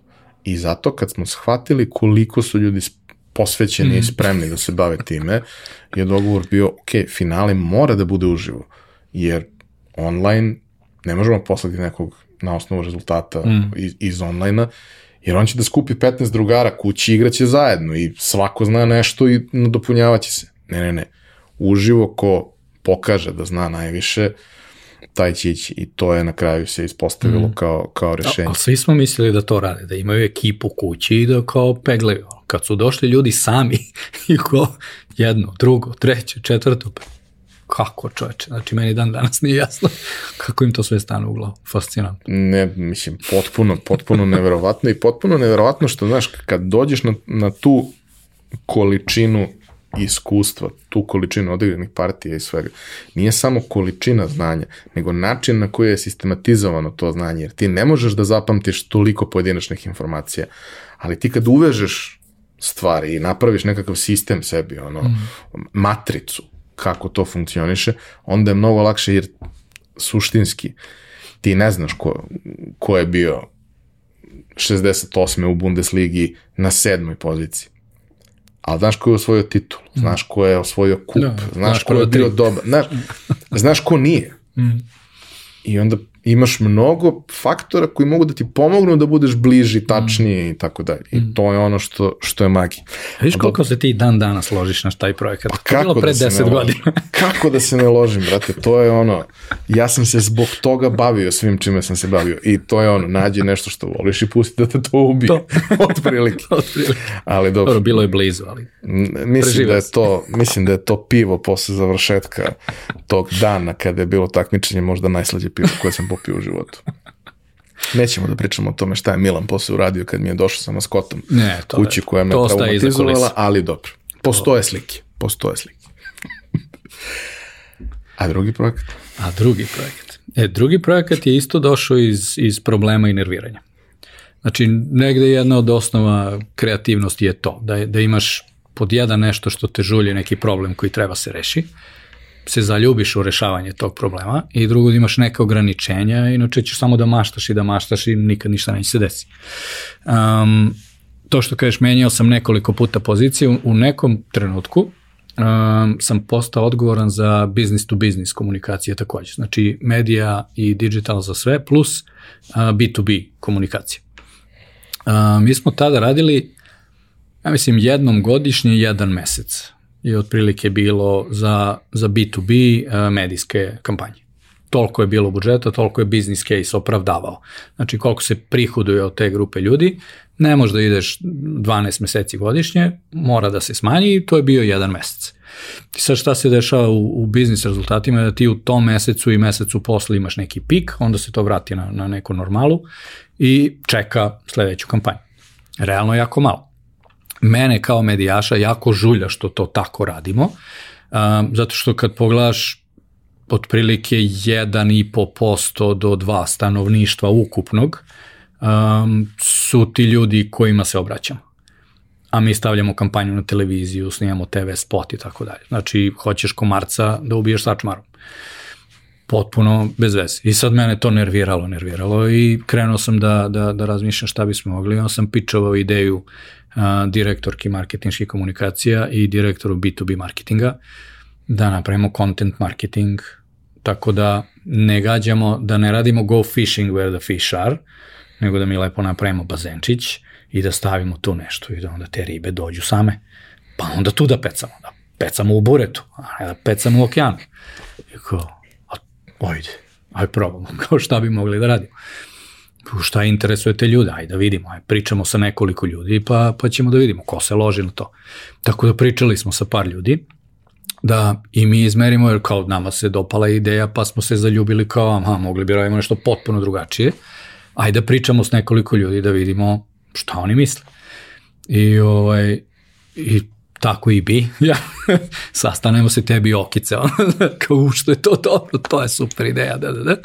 Onda smo napravili tender, onda je prošla taj, ta, ta neka procedura i iskreno ja sam molio Boga da ti pobediš, jer od, od svih tih sastanaka uh, najbolji predlozi, najveće loženje, najbolje razumevanje tehnologije, um, tako da na sreću sve se lepo ovaj, poklopilo i tako ti mi počnemo sa mojom firmom. I ostalo je istorija i legenda. E sad, ono što ti ne znaš je šta se dešavalo iza kulisa. Iza kulisa se dešavalo da taj projekat postoji napisan. Postoji napisan u tom trenutku, ne znam, a. pet godina. A. Samo nema niko ko je spreman da uđe u to na način da pusti da se to tako dešava mm. i da to ne bude, ono, mislim, inicijalno je pravljen, ne znam, 2009. ili 10. za jednu banku kao predlog, isti predlog, jedna, četiri strana. Kao, mm. Mogu ja ti razložim to na beskonačno, ali ako ti se ne sviđa to što je na jednoj strani, nije bitno, mm. onda nemamo o čemu da pričam. Ove, I njima se to sve svidelo, njima je to sve bilo super. Samo ako može veliki kreditni kalkulator ispod svakog teksta i svega i to sve, Ja kažem, pa ne može. Pa kako ne može? Pa nama je to... Pa, pa rekao, ne može, zato što ako to uradiš tako i ako sve brendiraš tako i ako ti bude ono, tekst ti je u sredini, a okolo ti je što mi volimo, kažemo, umrlica svega ostalog, taj tekst više nije bitan. Mm. Ne znači da ne treba nigde da bude prisutno ništa. Što ga pravimo onda ako, ako nije prisutno? Mislim, ali ne može da bude sales pitch za tvoje kredite, jer ako je sales pitch za tvoje kredite, bez obzira na to koliko je dobar sadržaj, više apsolutno nikog ne zanima i nije relevantan. Mi bismo to ipak volili da radimo tako, važi, nema nikakvih problema, vi to radite tako, ali ja ne mogu to da radim. Ne mogu. Nisam proveo 20 godina, u tom trenutku nije 20, ali 10, ono, nisam proveo 10 godina radeći nešto da bi to radio tako. Mogu da, ono, mogu da radim za pare za koje se dogovorimo, ali to neće da bude mm, nešto da ću ja da dam celog sveta. I zapravo taj moment, ok, mi smo pričali, znali smo se od ranije, prošli smo zajedno traume, to je isto dosta bitno, jel? Pa, ovo je bilo dve godine posle toga, yes. tako nešto. Ovaj, ali taj moment gde sam ja stekao utisak iz razgovora sa tobom, a kasnije i sa ostalima, da će mene neko da pusti da ja to radim kako mislim da treba. Naravno, ne potpuno, jer mislim, mada sam ja prilično bio odgovoran u tom nekom smislu, ali ne sad kao da ja nešto vilenim, ali e, kao, mi verujemo da ti znaš šta radiš i da ti je stalo i da ćeš raditi u najboljem interesu, evo nekih feedbacka, insajta i sve to, ali kao, it's your show. Mm. I zato je projekat bio takav.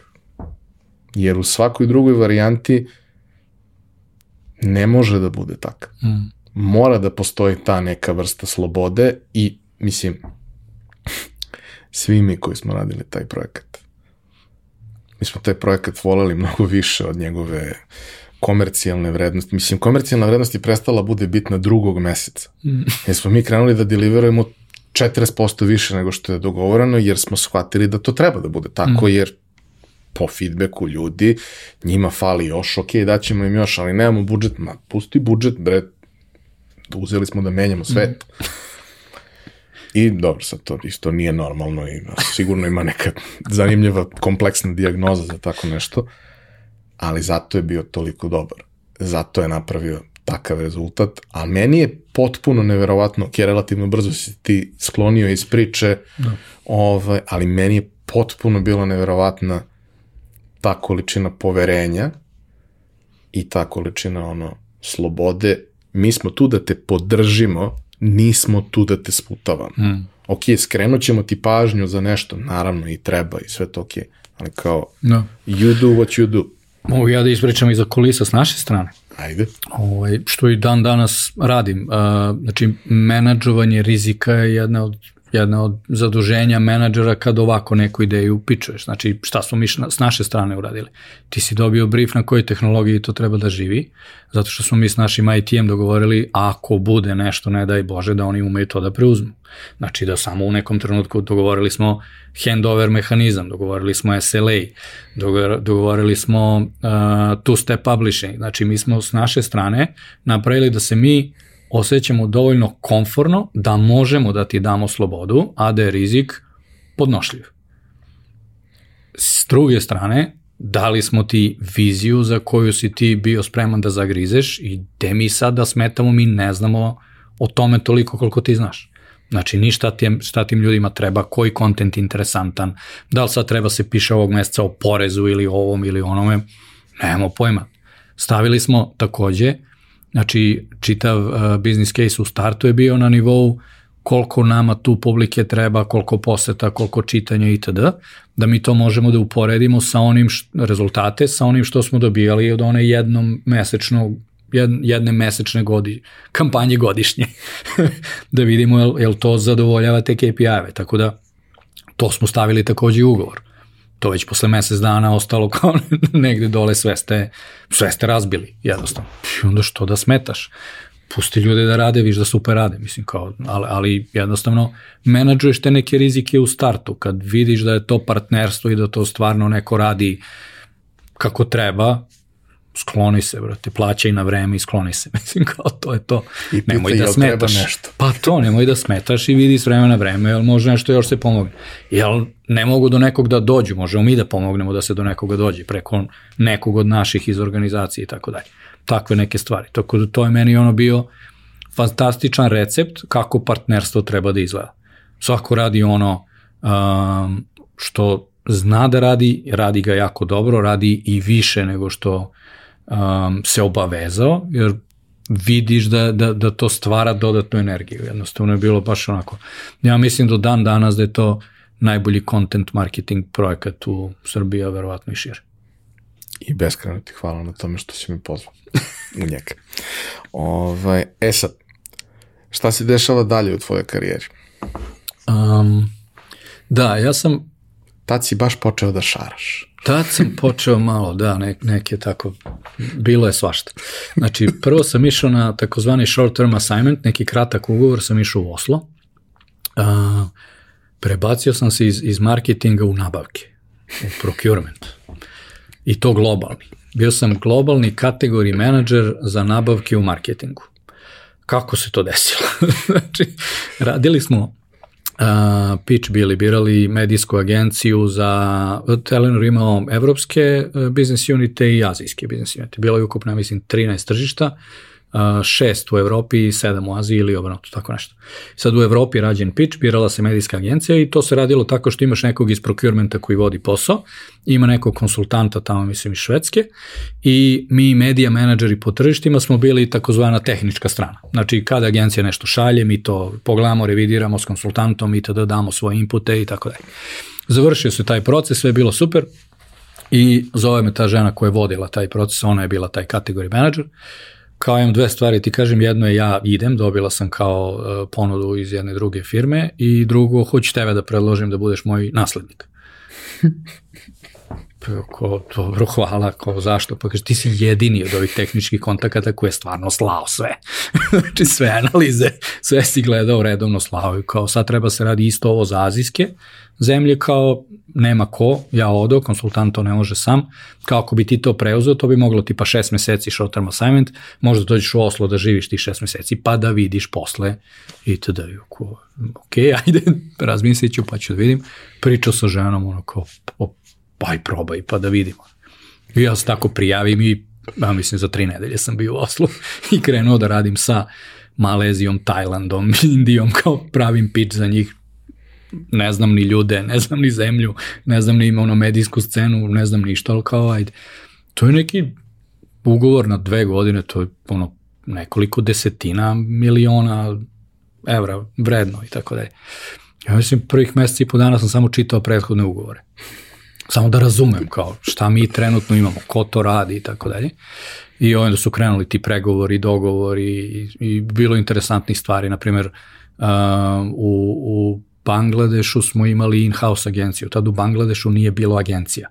Veliki klijenti su imali in-house agencije i to je to. Mi smo se onda dogovarali sa, sa potencijalnim agencijama da otvore ofis u Bangladešu. Znači, negde sam zaslužan za početak agencijske scene u Daki. Jer smo bukvalno tako završili ugovor, oni su otvorili stvarno agenciju tamo i preuzeli većinu tih ljudi iz naše firme kod njih da, da, da, da radi i dalje taj posao za nas. O, to je bilo jedno potpuno onako interesantno iskustvo koje me otvorilo ka, ka tome da ima više tržišta, a ne samo Srbija. Ovaj, može svašta da se radi iz, iz različitih zemalja i mnogo mi se dopalo to što um, je, je tolike su razlike i u načinima rada i u načinima razmišljanja. Ti pređeš odmah u višu ligu na nivou razumevanja s kim pričaš, uh, zašto taj neko to tako govori, šta je njemu bitno, a šta nije, kako da se prilagodiš i tako dalje. Potpuno ti otvori ono nove, nove vijuge, novi, novi mišić gradiš kroz to. To mi je bilo užasno interesantno. Uh, odlučio sam bio da se vratim, porodična odluka, Ovo meni je žena doktorka, pa je bilo kakva selitba užasno komplikovana i dugotrajna i tako dalje. Ovo, tako da sam se ono zahvalio, vratio, posle su me zvali da idem na proslavu u Tajland kad je to sve bilo sve potpisano i kad je agencija ovaj, odabrana i tako dalje. To je bilo dva meseca pošto sam ja završio projekat. Um, tad sam išao dosta ispred svog vremena, radio sam od kuće, um, i to u Oslu od kuće jedno dva poslednja meseca jer je toliko posla bilo sa drugim vremenskim zonama da nikakvog rezona nije bilo ići u kancelariju. Ja sam ustavio u pet ujutru, to je već 11 u Maleziji i onda pokušavam da, da se čujem sa jednim drugim, pa da onda vidim šta ko kaže, da to sklopim, da opet krajem njihovog dana se ponovo čujem s njima, da bi onda sutra mogao ka agenciji da idem sa našim zahtevima, predlozima i tako dalje. I to je tako trajalo i trajalo i trajalo. Mislim, ono, za, za, ne znam, za mesec dana sam gojao 5 kila, sam jeo samo pice i radio od 5 ujutru do bukvalno ono 9-10 uveče u krevet i ponovo. Tad nije bilo video poziva, bilo je sve ovaj, putem telefona, tako da u pižami iz kreveta većinu dana, ali imao sam ono mikropandemiju, što bi se reklo, tako da izgradio sam ta iskustva i pre nego što je postalo popularno, na primjer. O, ovaj, I posle kad sam se vratio, nisam još dugo bio u Telenoru, mislim ukupno tad u tom mandatu, jedno tri i po godine, možda tako nešto. O, ovaj, onda sam bio regrutovan od strane Ringier Axel Springera, Ovaj, sad se to partnerstvo za Srbiju barem ovaj, razišli su se sad je valjda opet samo Ringier, um, gde sam postao chief digital officer. Um, pa sad, ću me pitaš nešto. Kako je dolazak taj u, u publishing? Mislim, u tom trenutku publishing postaje mm, nemo kažemo digital first, pošto i dan danas pitanje koliko je, ali postaje ozbiljan. Znači ja se sećam 2008. kada, 2007. Uh, kada sam prodao prvu firmu, investicijonu fondu koji je između ostalog bio veliki publisher u, u, u Mađarskoj. Mi smo tad išli, obilazili, upoznavali ljudi i tako dalje i u tom trenutku, znači pre 15 godina, uh, index.hu koji je njihov vodeći, ovaj, njihov vodeći centralni informativni sajt, njihov blitz, ajde nazovem to tako, tom trenutku ima 107 ljudi u integrisanoj uh, redakciji koja radi, koja radi online. I kao 10 godina kasnije pitanje da li smo mi imali takvu redakciju. Ok, i budžeti koji su trošeni i tako dalje, stvari kako sam bio deo grupe, mislim, ovaj, imao sam prilike da stvarno vidim sve te neke finansijske izvešte i sve to, to je meni bilo ne, neverovatno, jer kao to je 2007. Mm. Kod nas tržište digitalnog oglašavanja mm. suštinski ne postoji. Krenulo je da postoji tada i krenulo je lepo da raste i sve to, ali kako pričamo o apsolutnim ciframa, to koliko se kod njih potroši za božićnu kampanju je naš godišnji ad spend. Mm. I kao, to je to.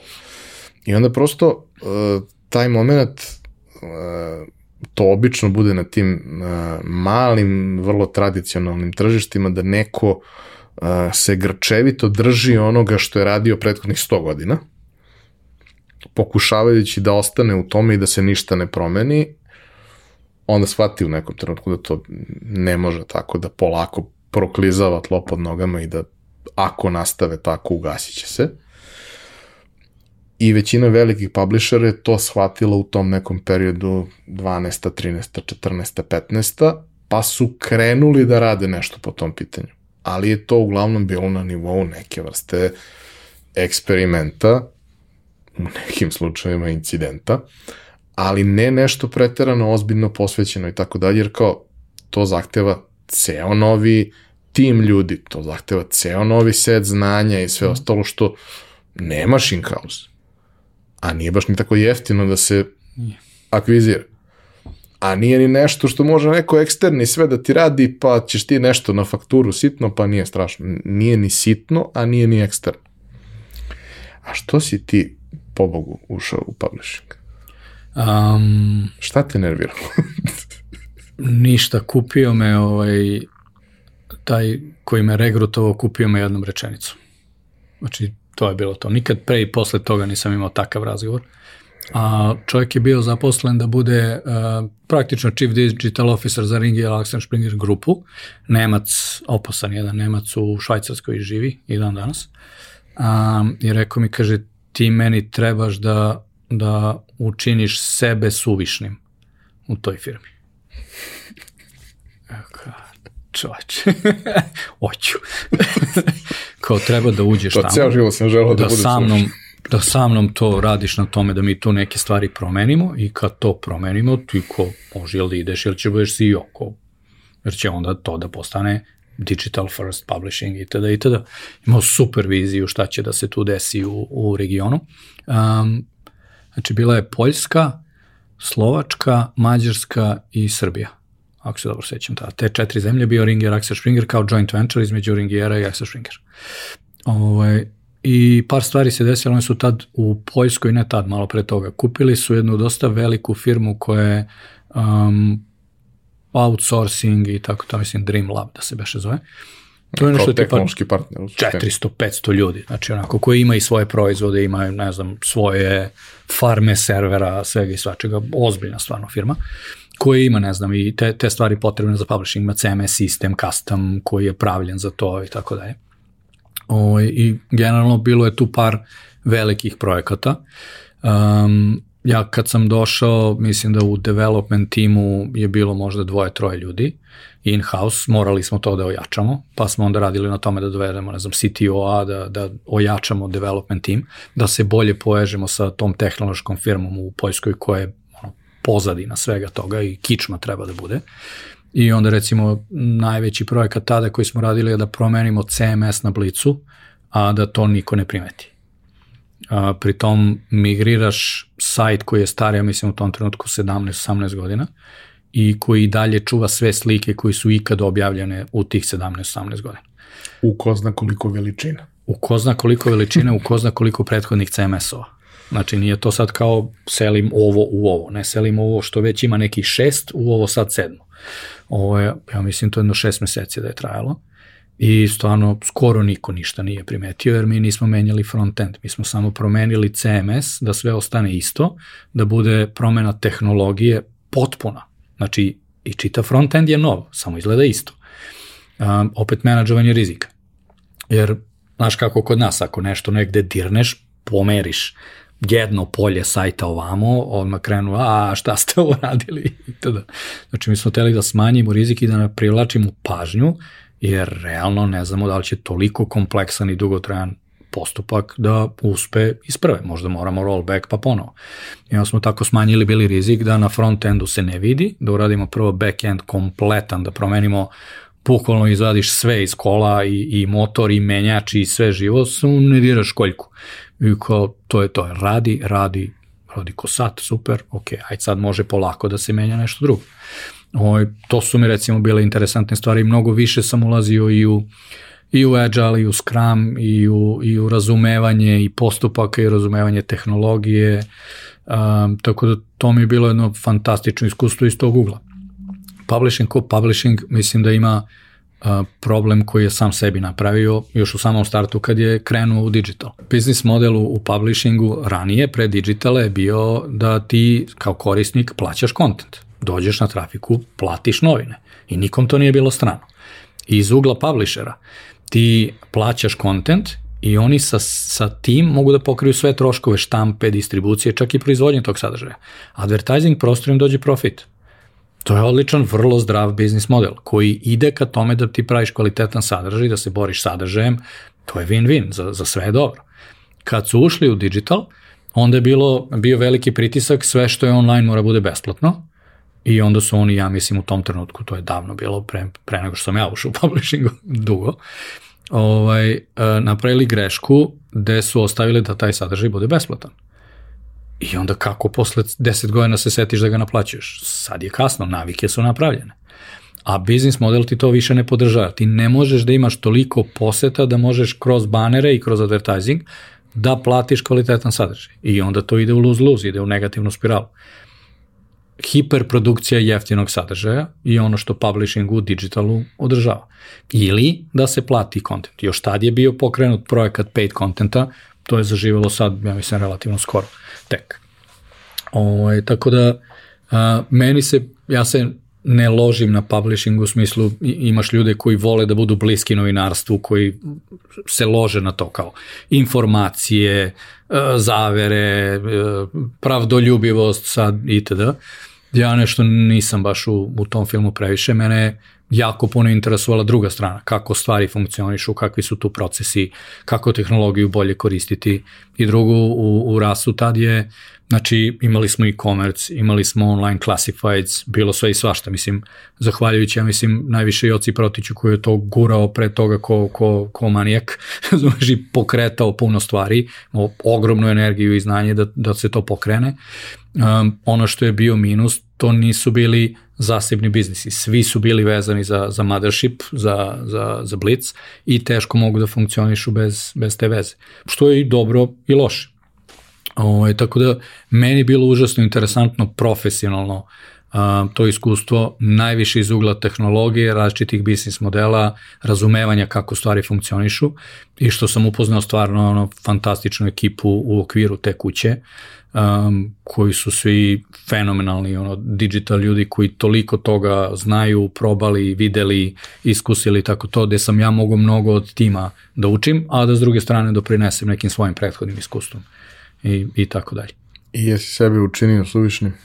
Um, pa ne do kraja, ja mislim da sam otišao pre nego što je to sve bilo gotovo, ali je bilo na dosta dobroj putanji. Znači, odnosi sa, sa tim Poljacima bili uspostavljeni, tehnologija uzeta, um, um, otkazali smo bili saradnju sa lokalnim uh, outsourcing providerima, prebacili na Poljsku i na in-house team, uh, tako da te neke ključne stvari koje su bile da, ali ta vizija ovaj, tog čoveka nije, nije zaživela. Um, on je otišao, pa sam onda otišao i ja, jer je onda krenulo u, u drugom pravcu. Mislim, generalno mislim da je njegova ideja bila dosta dobra, um, da se naprave uh, bliža saradnja između tih zemalja u okviru nekih oblasti. Znači, da li je news publishing, da li je, ne znam, health, da li je sport, da li je ovo, da te zemlje mnogo više sarađuju i da se mnogo više koristi kontent između njih. Ne znam sad na kom je to nivou, da li se nešto s tim desilo kasnije ili ne, ali nekako iz mog ugla ja sam došao bio u tu firmu zbog njega i hteo sam sa njim da radim i da, i da najviše od njega učim. A, kad je on rešio da napravi svoj startup i dobio dosta veliku investiciju i dan danas se time bavi, ovo, ovaj, ja sam rešio da, da idem dalje. Rešio si da si ipak suviš. Da sam suviš, da. I gde si odišao dalje? A, e pa onda je interesantan splet događaja, to mi je onda bio drugi mandat u Telenoru. to je ono uno, ona kao reverse card. Ciklična priroda zapošljavanja u da, Telenoru. Pa u, u, u tom među vremenu dok sam ja bio u Ringieru, Telenor je napravio neku novu strategiju da hoće da bude Digital Services Provider, DSP, kako su to tad zvali, to znači nešto drugo, aj sad u nekim drugim oblastima, ali Digital Services Provider i oformili su, to jest hteli da oforme neki mali tim koji bi se bavio um, inovacijama, digitalnim inovacijama u okviru tog sistema. I onda mi je bio potreba neko ko će to uh, da povuče, organizuje i tako to. Bilo je, bio je tim u, u centrali koji bi vodio puno toga, ali neko mora lokalno da, mislim, velika je firma, mora neko se bavi. O, tako da sam imao razgovor sa mojim a, budućim šefom tada, on je i sad na toj poziciji Chief Strategy a, and Transformation Officer Nemanja Žilović, ovaj, da možda budem to ja, ajde da probam. I to mi isto bio super razgovor kao, gle, ja ne znam šta tačno tu treba da se radi, ali ti ćeš sigurno to da razvališ. Ajmo mi to probamo zajedno. Ajde, što da ne, super.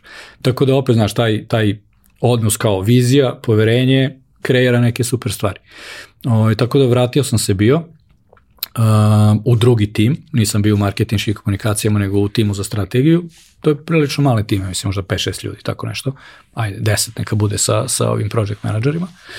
Um, I onda sam radio neke potpuno otkačene stvari. Tad sam ušao bio u, u design thinking, um, radili smo hakatone, sponzorisali smo bili neki eksterni smart city projekat, um, svakakve interesante stvari. Imali smo interni startup program, gde smo mogli interno da, da pravimo timove koji će da pičuju neke ideje firmi i onda ako budeš odabran na globalnom nivou, to ti postaje posao. Znači firma investira u taj tvoj startup tako što ćeš da dobiješ neka sredstva, dobit ćeš prostor gde ćeš da radiš, dobit ćeš opremu, dobit ćeš budžet, zadržavaš platu koju si imao do tada, a ne radiš prethodni posao, nalazi se neko drugi koji će da radi to tvoje. I dobijaš, ja mislim, da li godinu ili 18 meseci da to razviješ. Ovo, ovaj, takve stvari, recimo mi smo imali, ja mislim, četiri tima iz Srbije su išla na finale, išli smo u Singapur tamo da, da prezentujemo ljudima iz centrale. Bio je jedan fantastičan i interesantan period um, gde sam mogo stvarno ogromnu slobodu sam imao da probam mnogo toga i da, i da mnogo toga predložim. Naprimer, ti hakatoni, to nigde nije bilo u spisku toga što, što treba da se radi. Mi smo ih iskoristili i za razvoj novih rešenja i za neko um, dizanje raspoloženja u firmi i u developmentu i tako dalje i za employer branding. Jer smo pravili prvo interne pa eksterne, ne mogu da ti opišem. Tad nije postojao employer branding, ali, ali da recimo, je postojao, zvalo bi se tako. Tako je, nama je to za to služilo, kao ka, kako da dođemo do senior developera, na primjer. Da li možeš da zamisliš razgovor sa našim IT security kad sam došao i rekao da ćemo 60 hakera da dovedemo u zgradu? Da budu tu ceo vikend i nešto da prave nećemo. ne, ne može. Oni će, pašće mreža, znači ući će nam u bazne stanice, ući će u bazu, ući ovo. Dobro, kako mi to da napravimo, da oni mogu da dođu, da sve bude bezbedno, ali da to bude u našoj zgradi. Nećemo mi to da pravimo u hotelu nekom ili što god. Hoćemo da dođu kod nas, da iskuse, da vide kako je ne zamišljaju Telenor kao, znaš, gomila vrata i sad ti tu kao kuc, kuc, dobar dan, jel mogu da uđem da nešto pitam i tako to. Su da open space-ovi izgleda kao mm. da si u San Francisco, mislim, stvarno izgleda fantastično. Ali slabo ko ima to prilike da vidi. I uspeli smo, napravili smo i bilo super. Najviši, najveći, najviši ovaj, uh, najbolje reakcije smo dobili od IT managementa koji kao nikad nismo imali veliko razgovora s ljudima u zadnje tri meseca. Ko dođeš na hackathon pa pričaš, pa saznaš malo i kako je drugde i tako to. Employer branding, jel? O, to, to je bio onako dosta, dosta zabavan period. I? Misliš posle toga ili za vreme? e, posle toga bi, to je, to je isto super anegdota. O, ovaj, jedna, o, po, pomenutog Saše Đurđevića iz, iz agencije žena, godinama je radila u Coca-Coli i mi smo kućni prijatelji. Ovo ja se zezam da sam im ovaj, porodični kolega, pošto sam radio s njim i s njom sad čekam ovaj stariji da završi faks, pa i s njim da radim u nekom trenutku. Ovaj, šalje mi oglas, kaže, e, kod nas redko izlaze oglasi, ali ovo je strava za tebe, kao pogledaj i prijavi se, molim te. Ja uzmem da čitam, Pa rekao, ona verovatno ne zna čime se ja bavim. Uglavnom je bio, bilo opisano kao neki CRM sistemi, poznavanje nekih softvera i tako to. Ali rekao, znaš, ono, suviše poštojem da ne bi uradio šta, šta mi je rekla da uradim, poslaću. Pošalje mi, naravno, ispostavi se da nije baš oglas bio 100% opis kako treba. I kad mi je ovaj, osoba iz HR-a objasnila na prvom razgovoru šta je, ako ću se potrudim, ovo delo je super, bila Nataša u pravu, samo ovi nisu lepo napisali. O, ovaj, I tako, jedan krug, drugi krug, poslednji krug u Milanu, to mi je najduži intervju za posao u životu, četiri sata, ovaj, sam imao intervju, ko hakaton. koji, ko podcast. Odavde, odande, 100.000 pitanja, sve je super interesantno, ali stvarno ceo dan, od 9 do 1, u 1 sam izašao mrtav. Oj, I kaže mi čovjek, gle, pošto putuješ sad i tako to, ja da ti kažem da je ovaj posao tvoj. Samo treba oko detalja da se dogovorimo, ali kao idi kući i čekaj, kao bit će sve super, jedva čekam da počnemo da radimo. I stvarno tako i bi. Ovaj, dobio sam ponudu i, i vrlo brzo sam počeo da radim. Ima tome sada tačno pet godina. I sad, uh, ti si bio deo jedne korporacije, odnosno bio si deo dve korporacije već u, u tom trenutku, ali u oba slučaja to su negde uh, primarno lokalne, lokalni zadaci, gde je ok, bilo malo više toga u, u, u Ringiru sa, sa svim aktivnostima koje su bile na tom umrežavanju regionalnom i nekom izvlačenju tog maksimalnog ovaj, efekta iz, iz, iz te kolaboracije koja tu može da se desi. Ali ovo je ipak jedna od najvećih korporacija na svetu koja postoji toliko dugo, koja ima proizvod koji je možda najprepoznatljiviji, najvredniji brend na svetu, ok, danas su primat preuzele tehnološke kompanije i dalje ono sa jabukom verovatno vredi više od bilo čega drugog, ali ovo vredi beskonačno 100 godina. I to je ono što je mm -hmm. impresivno i to je ono što sa sobom vuče ogromnu neku dozu odgovornosti prema, prema naravno brendu i kompaniji. Uh, ali vuče i to da si ti imao jedan ozbiljan sistem, infrastrukturu i tako dalje koja postoji decenijama. Ove neke stvari koje su se razvijale, razvijale su se na mm, gomili interesovanja, fundinga i svega i onda si ti od nule pravio nešto negde kad se ukaže potreba i to sve. Ovde nema od nule, ovo su sve već prilično razvijene stvari gde sad da ti treba da napraviš razliku ne tako što ćeš da napraviš nešto novo što će da donese beskonačno, što ćeš da povećaš nešto 1%. I to je i dalje nenormalno mm. veliki uspeh i tako dalje. Ali je drugačija igra potpuno. Da. Kako je to izgledalo? Pa, mora ti razbija malo iluzije. ajde, ajde. znači, ja sam bio zaposlen kao uh, Digital Technologies Manager za centralnu istočnu Evropu. To je, mislim, bilo negde 28 tržišta u, u ovom našem delu sveta.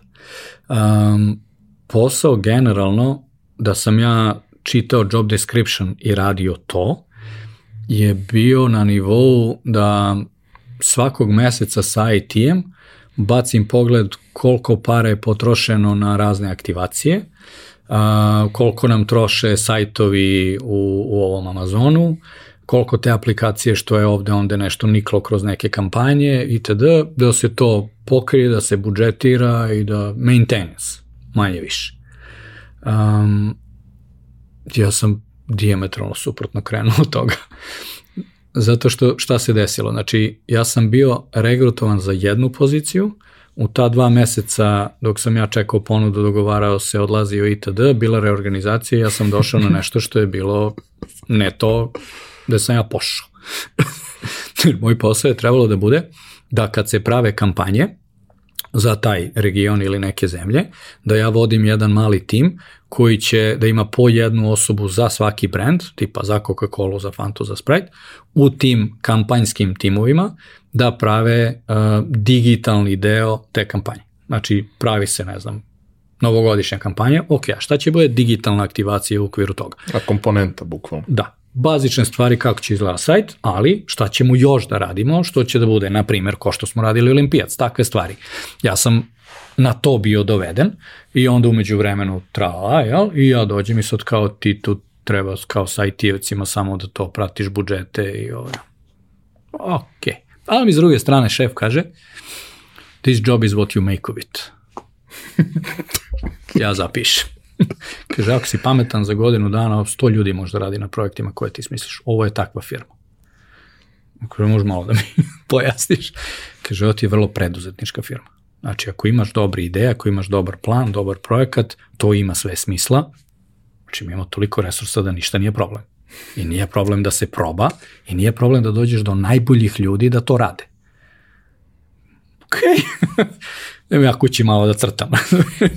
I ja tako mic po mic. Ja mislim već za šest nedelja da smo imali uh, novu tehnološku strategiju za centralnu istočnu Evropu, šta nama tu fali, šta sve tu treba.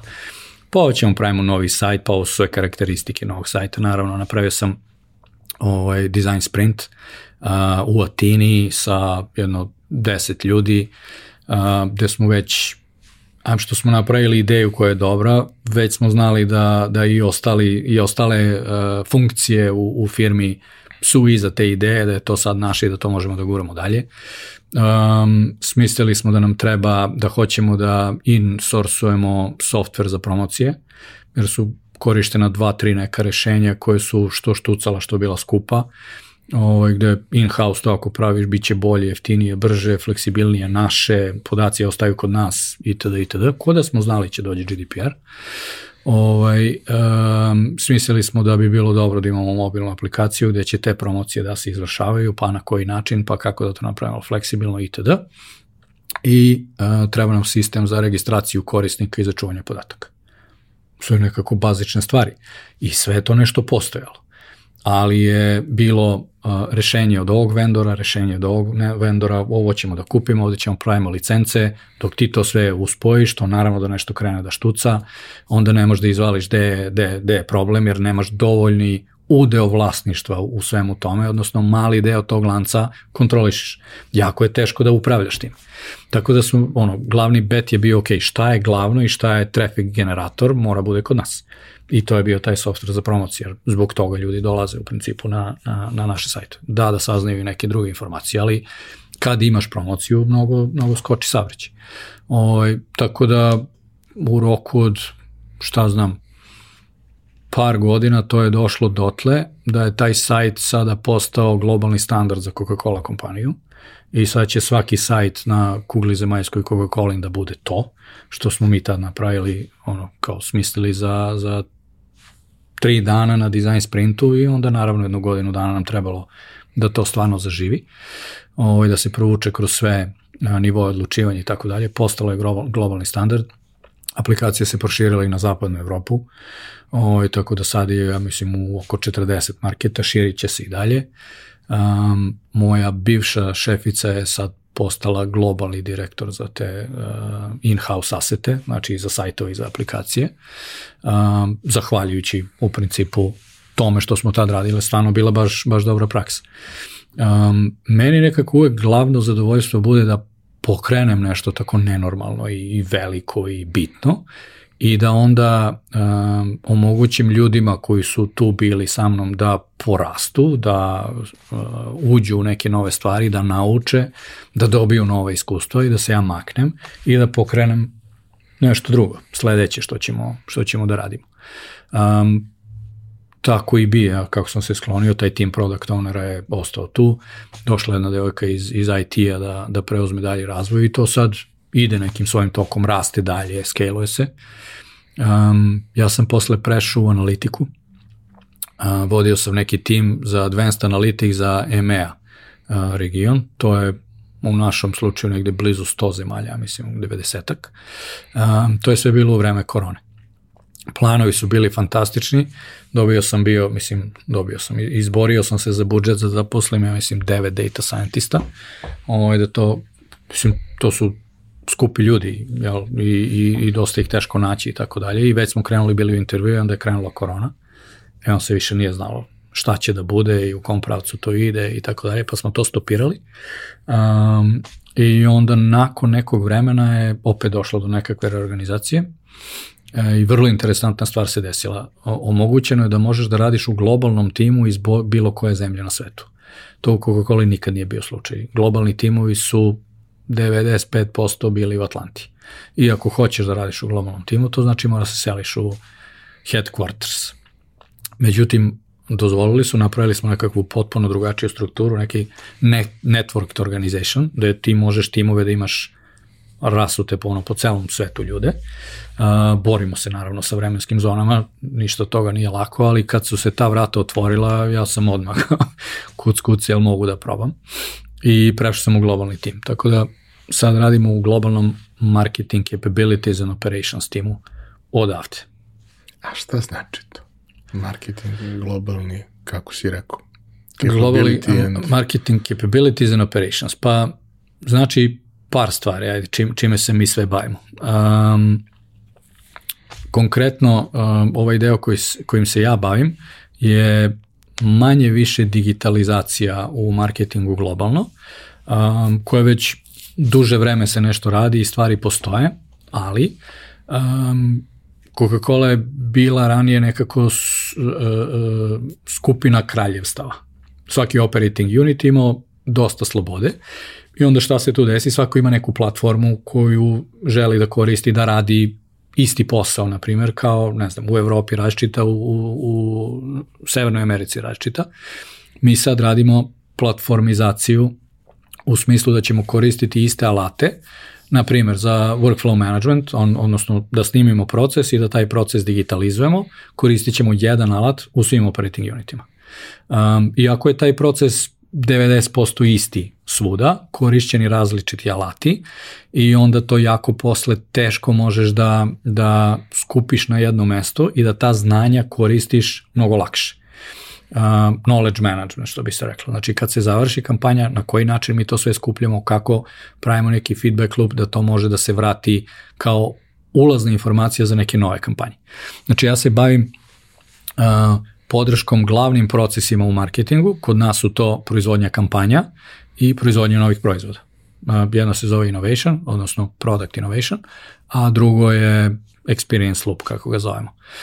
Kako praviš te, te kampanje? Znači, kako kodifikujemo znanje, kako se te stvari rade kod nas i onda ih stavljamo na digitalnu platformu, tako da kogod da dođe ti sutra novi da dođeš u našu kompaniju, ne moraš da se misliš da, da počneš i kako. Klikneš tamo, hoću počnem novi projekat, tebi izađe project plan, a, koji, su tu, koje su tu faze.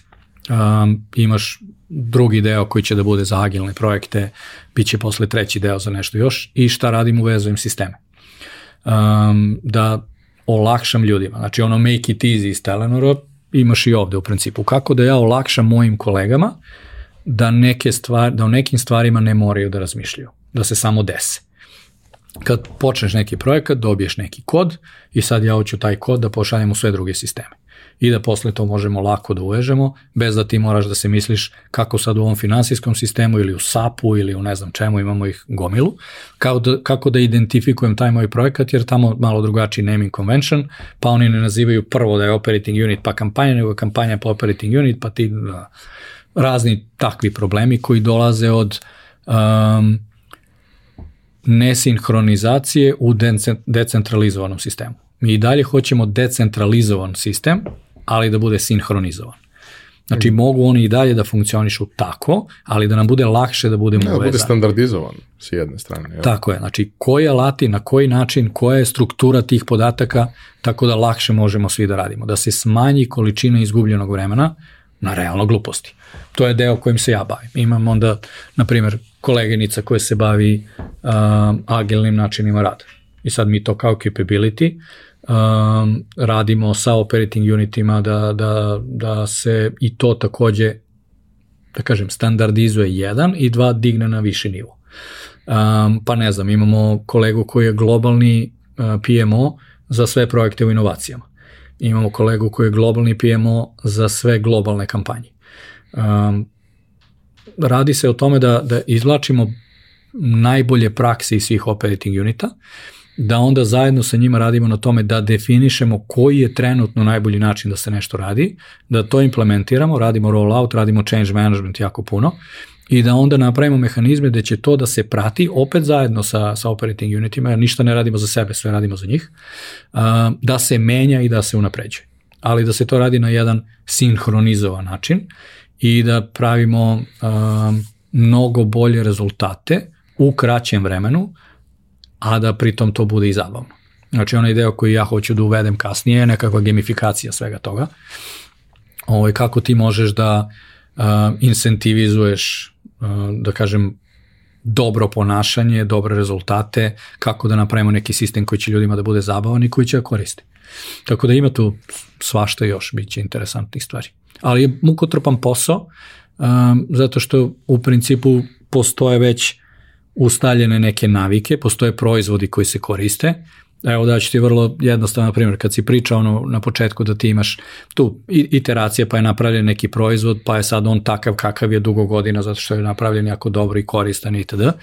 Ja razmišljam o a, viljuška nož i kašika kod nas i štapići u Aziji. Znači, job to be done je isti, treba nešto pojesti, jel? Jedno i drugo postoji stotinama godina i jedni i drugi su ubeđeni da je to najbolje rešenje.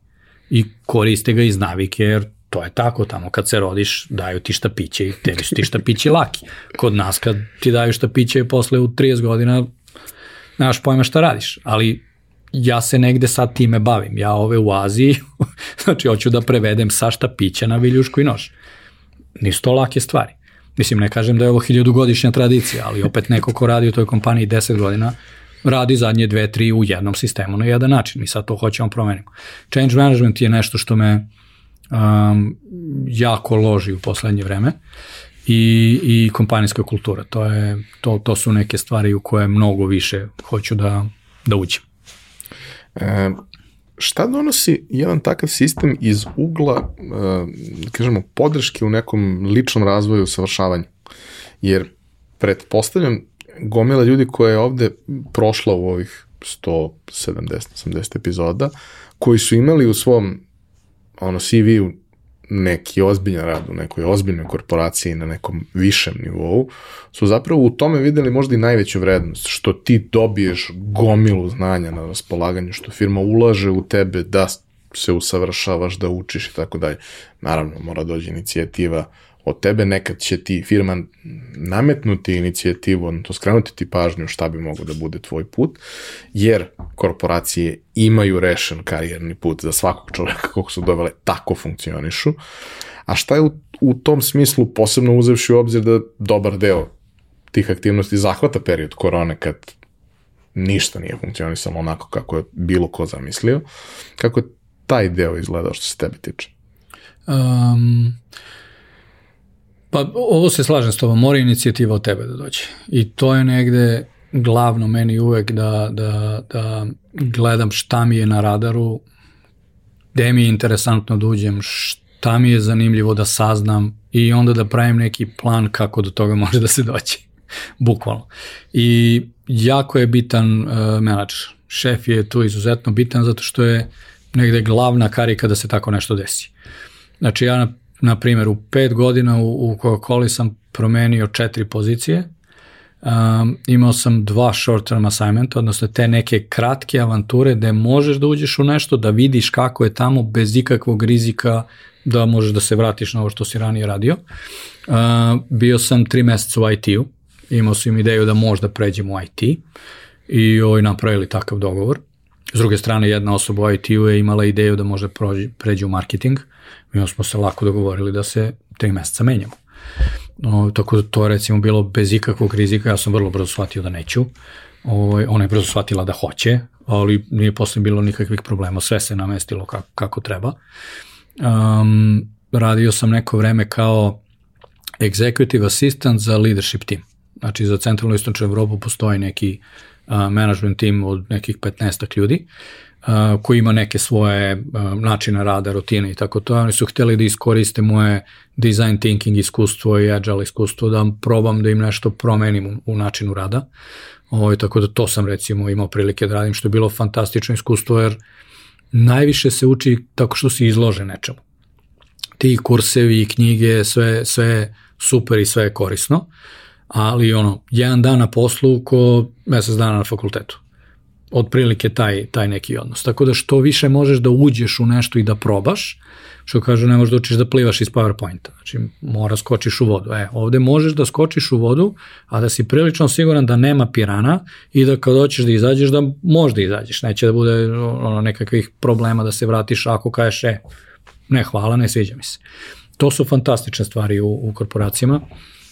Nema svako, s druge strane, prilike da, da dođe do toga mora da, da postoji jaka lična želja i moraš da imaš neki neke rezultate pre neki toga. Neki nivo senioriteta. Ne, pa ne mora čak ni da bude to. Znači, ja sam ono, i ekstremnim juniorima u svom timu omogućavao takve stvari. Uh mhm. -huh. Jer ako ne omogućavaš, mislim da je lose-lose. Taj neko će da bude nezadovoljan i možda je bre super za to što hoće. Znači, zašto ne bismo to iskoristili? Tako da, mnogo ima do, do menadžera i do, i do HR-a i do kompanijske kulture na kraju dana. Ako si u nekoj kompanijskoj kulturi da je mnogo top-down i da je mnogo veži konja da ti gazda kaže varijanta, manje se dešavaju takve stvari. Ja sam imao sreće da radim u, u kompanijama da, da se to vrlo um, čak i nagrađuje. Sve i da bude neuspešno, svejedno se nagrađuje. To je vrlo pozitivno jer izlaziš iz neke, iz neke zone komfora, nešto ćeš da naučiš. Sve i da naučiš da to nije za tebe, ok, super. Znaš koja tri druga puta možda probaš, ovaj više nećeš. Ovaj, I ono što isto super u Coca-Cola da možeš da budeš izložen jako kvalitetnim ljudima koji su eksterni saradnici. To je isto mega bitno. Znači, sa, sa kojom agencijom ćeš da radiš, sa kakvim developerima, sa kakvim tehnološkim partnerom, to su super stvari. Tako da, opet, vraćam se na ono u kojoj si ligi, šta možeš da si priuštiš. Jer, ne znam, tri, četiri takva, ne znam, sastanka gde se pravi road mapa sa nekom agencijom koja je to radila i sa Hewlett Packardom i sa Nikeem i sa ovim i sa onim, mnogo toga naučiš, što će da ti ostane za posle. Tako da, to je, to je moje iskustvo. Početkom godine izašla je jedna vrlo ovaj, zanimljiva vest u našim tehnološkim medijima, da ne kažem kod naših drugara i komšija, ovaj, o tome da si se priključio konsultantski part-time jednom jednoj zanimljivoj uh, gaming kompaniji kod nas, u pitanju je Tu Desperados, jedna od vodećih gaming kompanija kod nas, koja pravi igru koju igraju desetine miliona ljudi na globalu i jedna divna priča o sjajnim ljudima, priča koja raste već godinama, priča koju sam upoznao, koja mi je bila na radaru, ali koju sam zapravo upoznao iznutra kroz projekat moja firma, jer smo radili prvi intervju sa njima bilo gde, ono, vidljivije.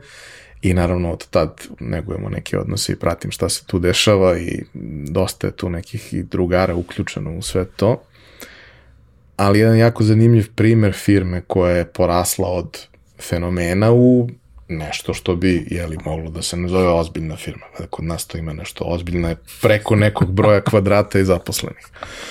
Ovaj, on koji imaju svoje kancelarije, poslovni prostor nisu više na gajbi i tako dalje. I mnogo je lepo to gledati sa strane. Posebno kad znaš koliko divne ljudi stoje iza toga.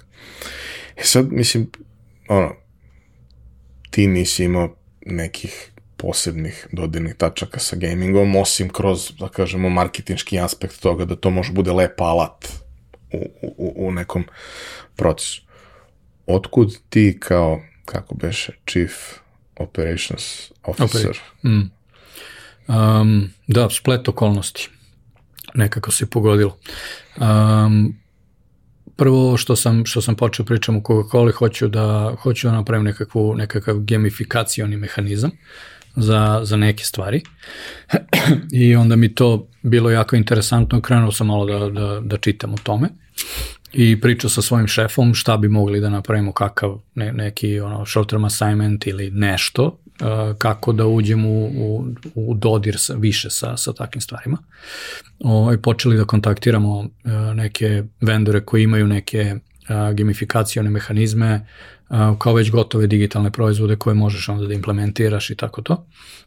I zove me jedna ovaj, e, bivša koleginica, ona isto nekad radila davno u Coca-Coli, koja je konsultant Desperadosima i radi im leadership development program Uh, radi sa, sa leadership timom i sa menadžerima na razvoju liderskih veština i tako to, već duže vreme, dosta oni ulažu u, u razvoj. I zove me da se, da se vidim s njima da popričamo. Kao ne bi bilo loše, um, traže, um, traže ljude koji su radili u većim firmama, za ovu poziciju konkretno nije nužno gaming iskustvo, ali interesantno, znači, poznavanje procesa, uspostavljanje načina rada u firmama, kompanijska kultura, uh, neke ono bazične prakse lidera, tipa to kako radiš razvojne planove, kako radiš planiranje, kako se radi strategije, kako se postavljaju, ne znam, ovi OKR-ovi i tako, te neke stvari. Kako super, aj, aj popričamo, kao gaming, odlično, znači baš je ono, nekako se pogodilo, složile se kockice. Ovaj, otišao sam na razgovor, popričali malo i nekako dopali smo se jedni, jedni drugima, što bi se reklo. I kao, aj nešto da probamo, da počnemo, poćemo da vidimo, da pričamo ono, par puta, da vidimo šta bi ja to mogo da pomognem, šta njima tu fali i tako to. I realno smo napravili nekakav plan um, šta sam ja pomagao da se uh, uspostavi struktura oko Objectives and Key Results, znači to je ta metodologija Google-ova koju mnoge kompanije koriste za postavljanje ciljeva i onda kako ćeš da meriš te ciljeve i kako ćeš da uh, praviš inicijative koje će dovesti do ostvarevanja ciljeva i tako to. Oni su to već nešto počeli da rade. Ja sam sa mojim iskustvom malo tu dodao nekih tvikova kako da, da, da se nešto optimizuje taj proces. Ovo jedno. I drugo, počeo sam s njima da radim na, na definiciji kompanijske kulture. A, takođe, postoji nešto što nije zaživelo, jer ono što bude česta greška je da napraviš nekakav dokument i sad kao to je naša kompanijska kultura, stavi se na sajt itd., ali nekako ne zaživi. Ne naprave se mehanizmi koji će u firmi da to podrže, da se to uspostavi, da se održava i da se koriguje kad treba se koriguje.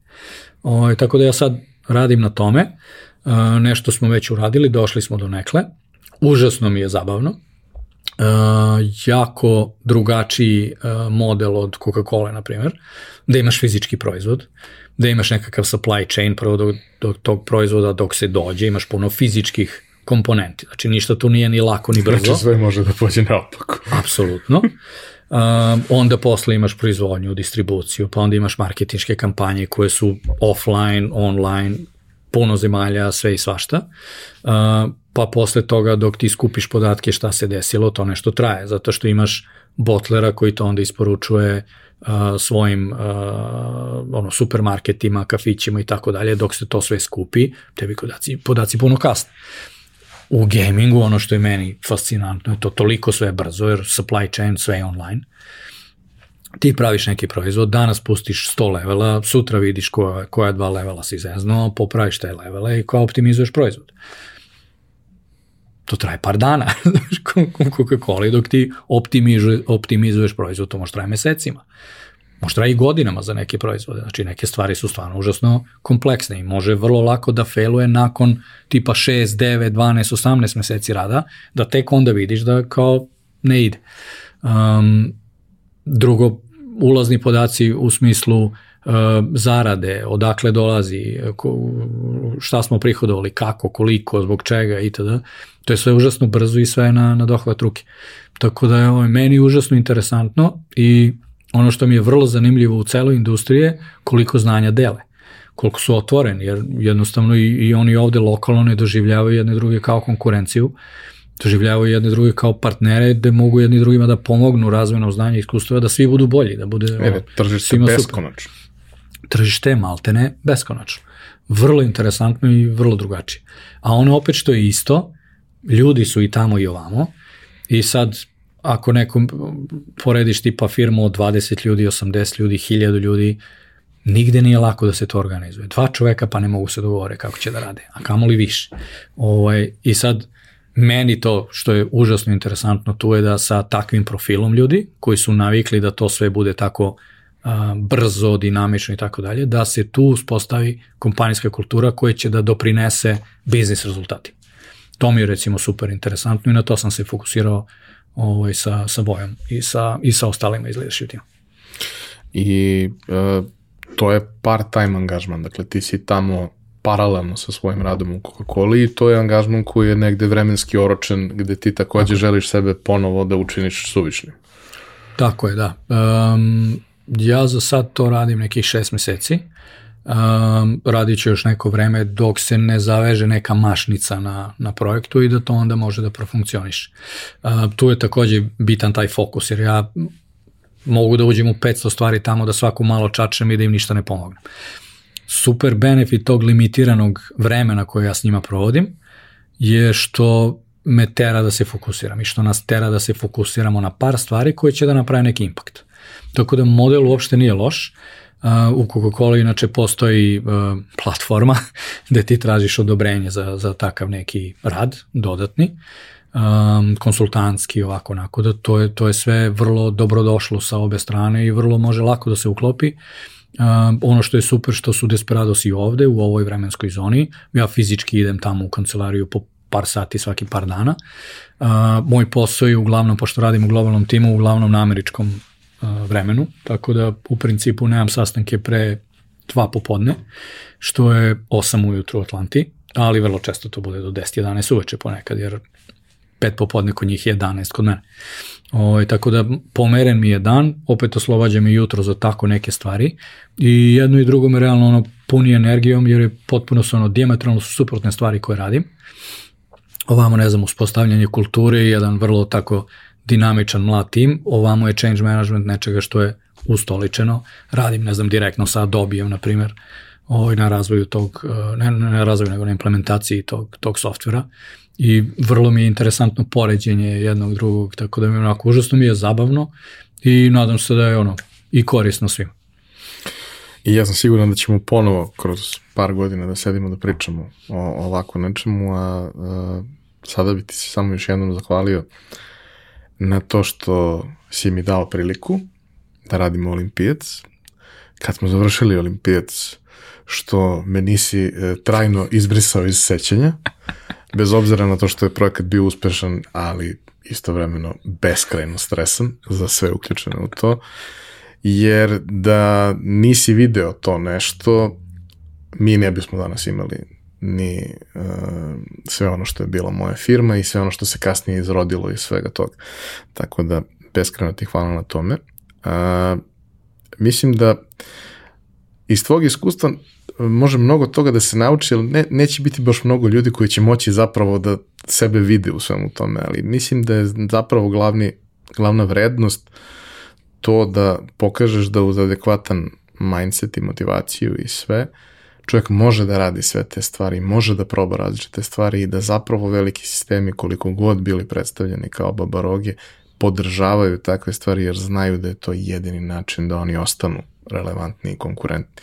Da to uh, uh, učaureno i uh, na taj neki način, uh, da kažem, nepromenjivo nije nešto što može da opstane na duge staze, a svi su oni svi oni rade sa ciljem da postoje još 100, 200, 500 godina i da budu najviše što mogu u, u, u tom trenutku. I onda, znaš, ta neka vrsta a, prilagođavanja svega toga, nečeg, nečeg što je veliko, je beskreno impresivno. Za gledanje sa strane mogu da zamislim kako je iznutra. Mm. E, gle, hvala tebi što je se uvek cimao više nego što si morao. I to se vidi. I zato si jedna od legendi na, na ovom tržištu. I mnogo mi je drago što si ovo primetio iz, iz mog izlaganja, jer nekako stalno ljudi gledaju kao na, na korporaciji kao neko ono, zlo i, i mrsko i, i tako to, naročito iz ovog našeg sveta kao digital i tako to. Da realno nije. Znači, toliko toga možeš da, da uradiš i da, i da postigneš bez, um, bez nešto previše nerviranja. Tako da ja preporučujem kao razvojni put mnogima ali tebi i dalje mora nešto da žulja i nešto mora da te nervira da bi napravio neku razliku. Takav sam čovjek. Hvala ti još jednom. Hvala vama što ste nas slušali i gledali. Nadam se da vam je bilo zanimljivo. To bi bilo to. Vidimo se ponovo sledeće nedelje.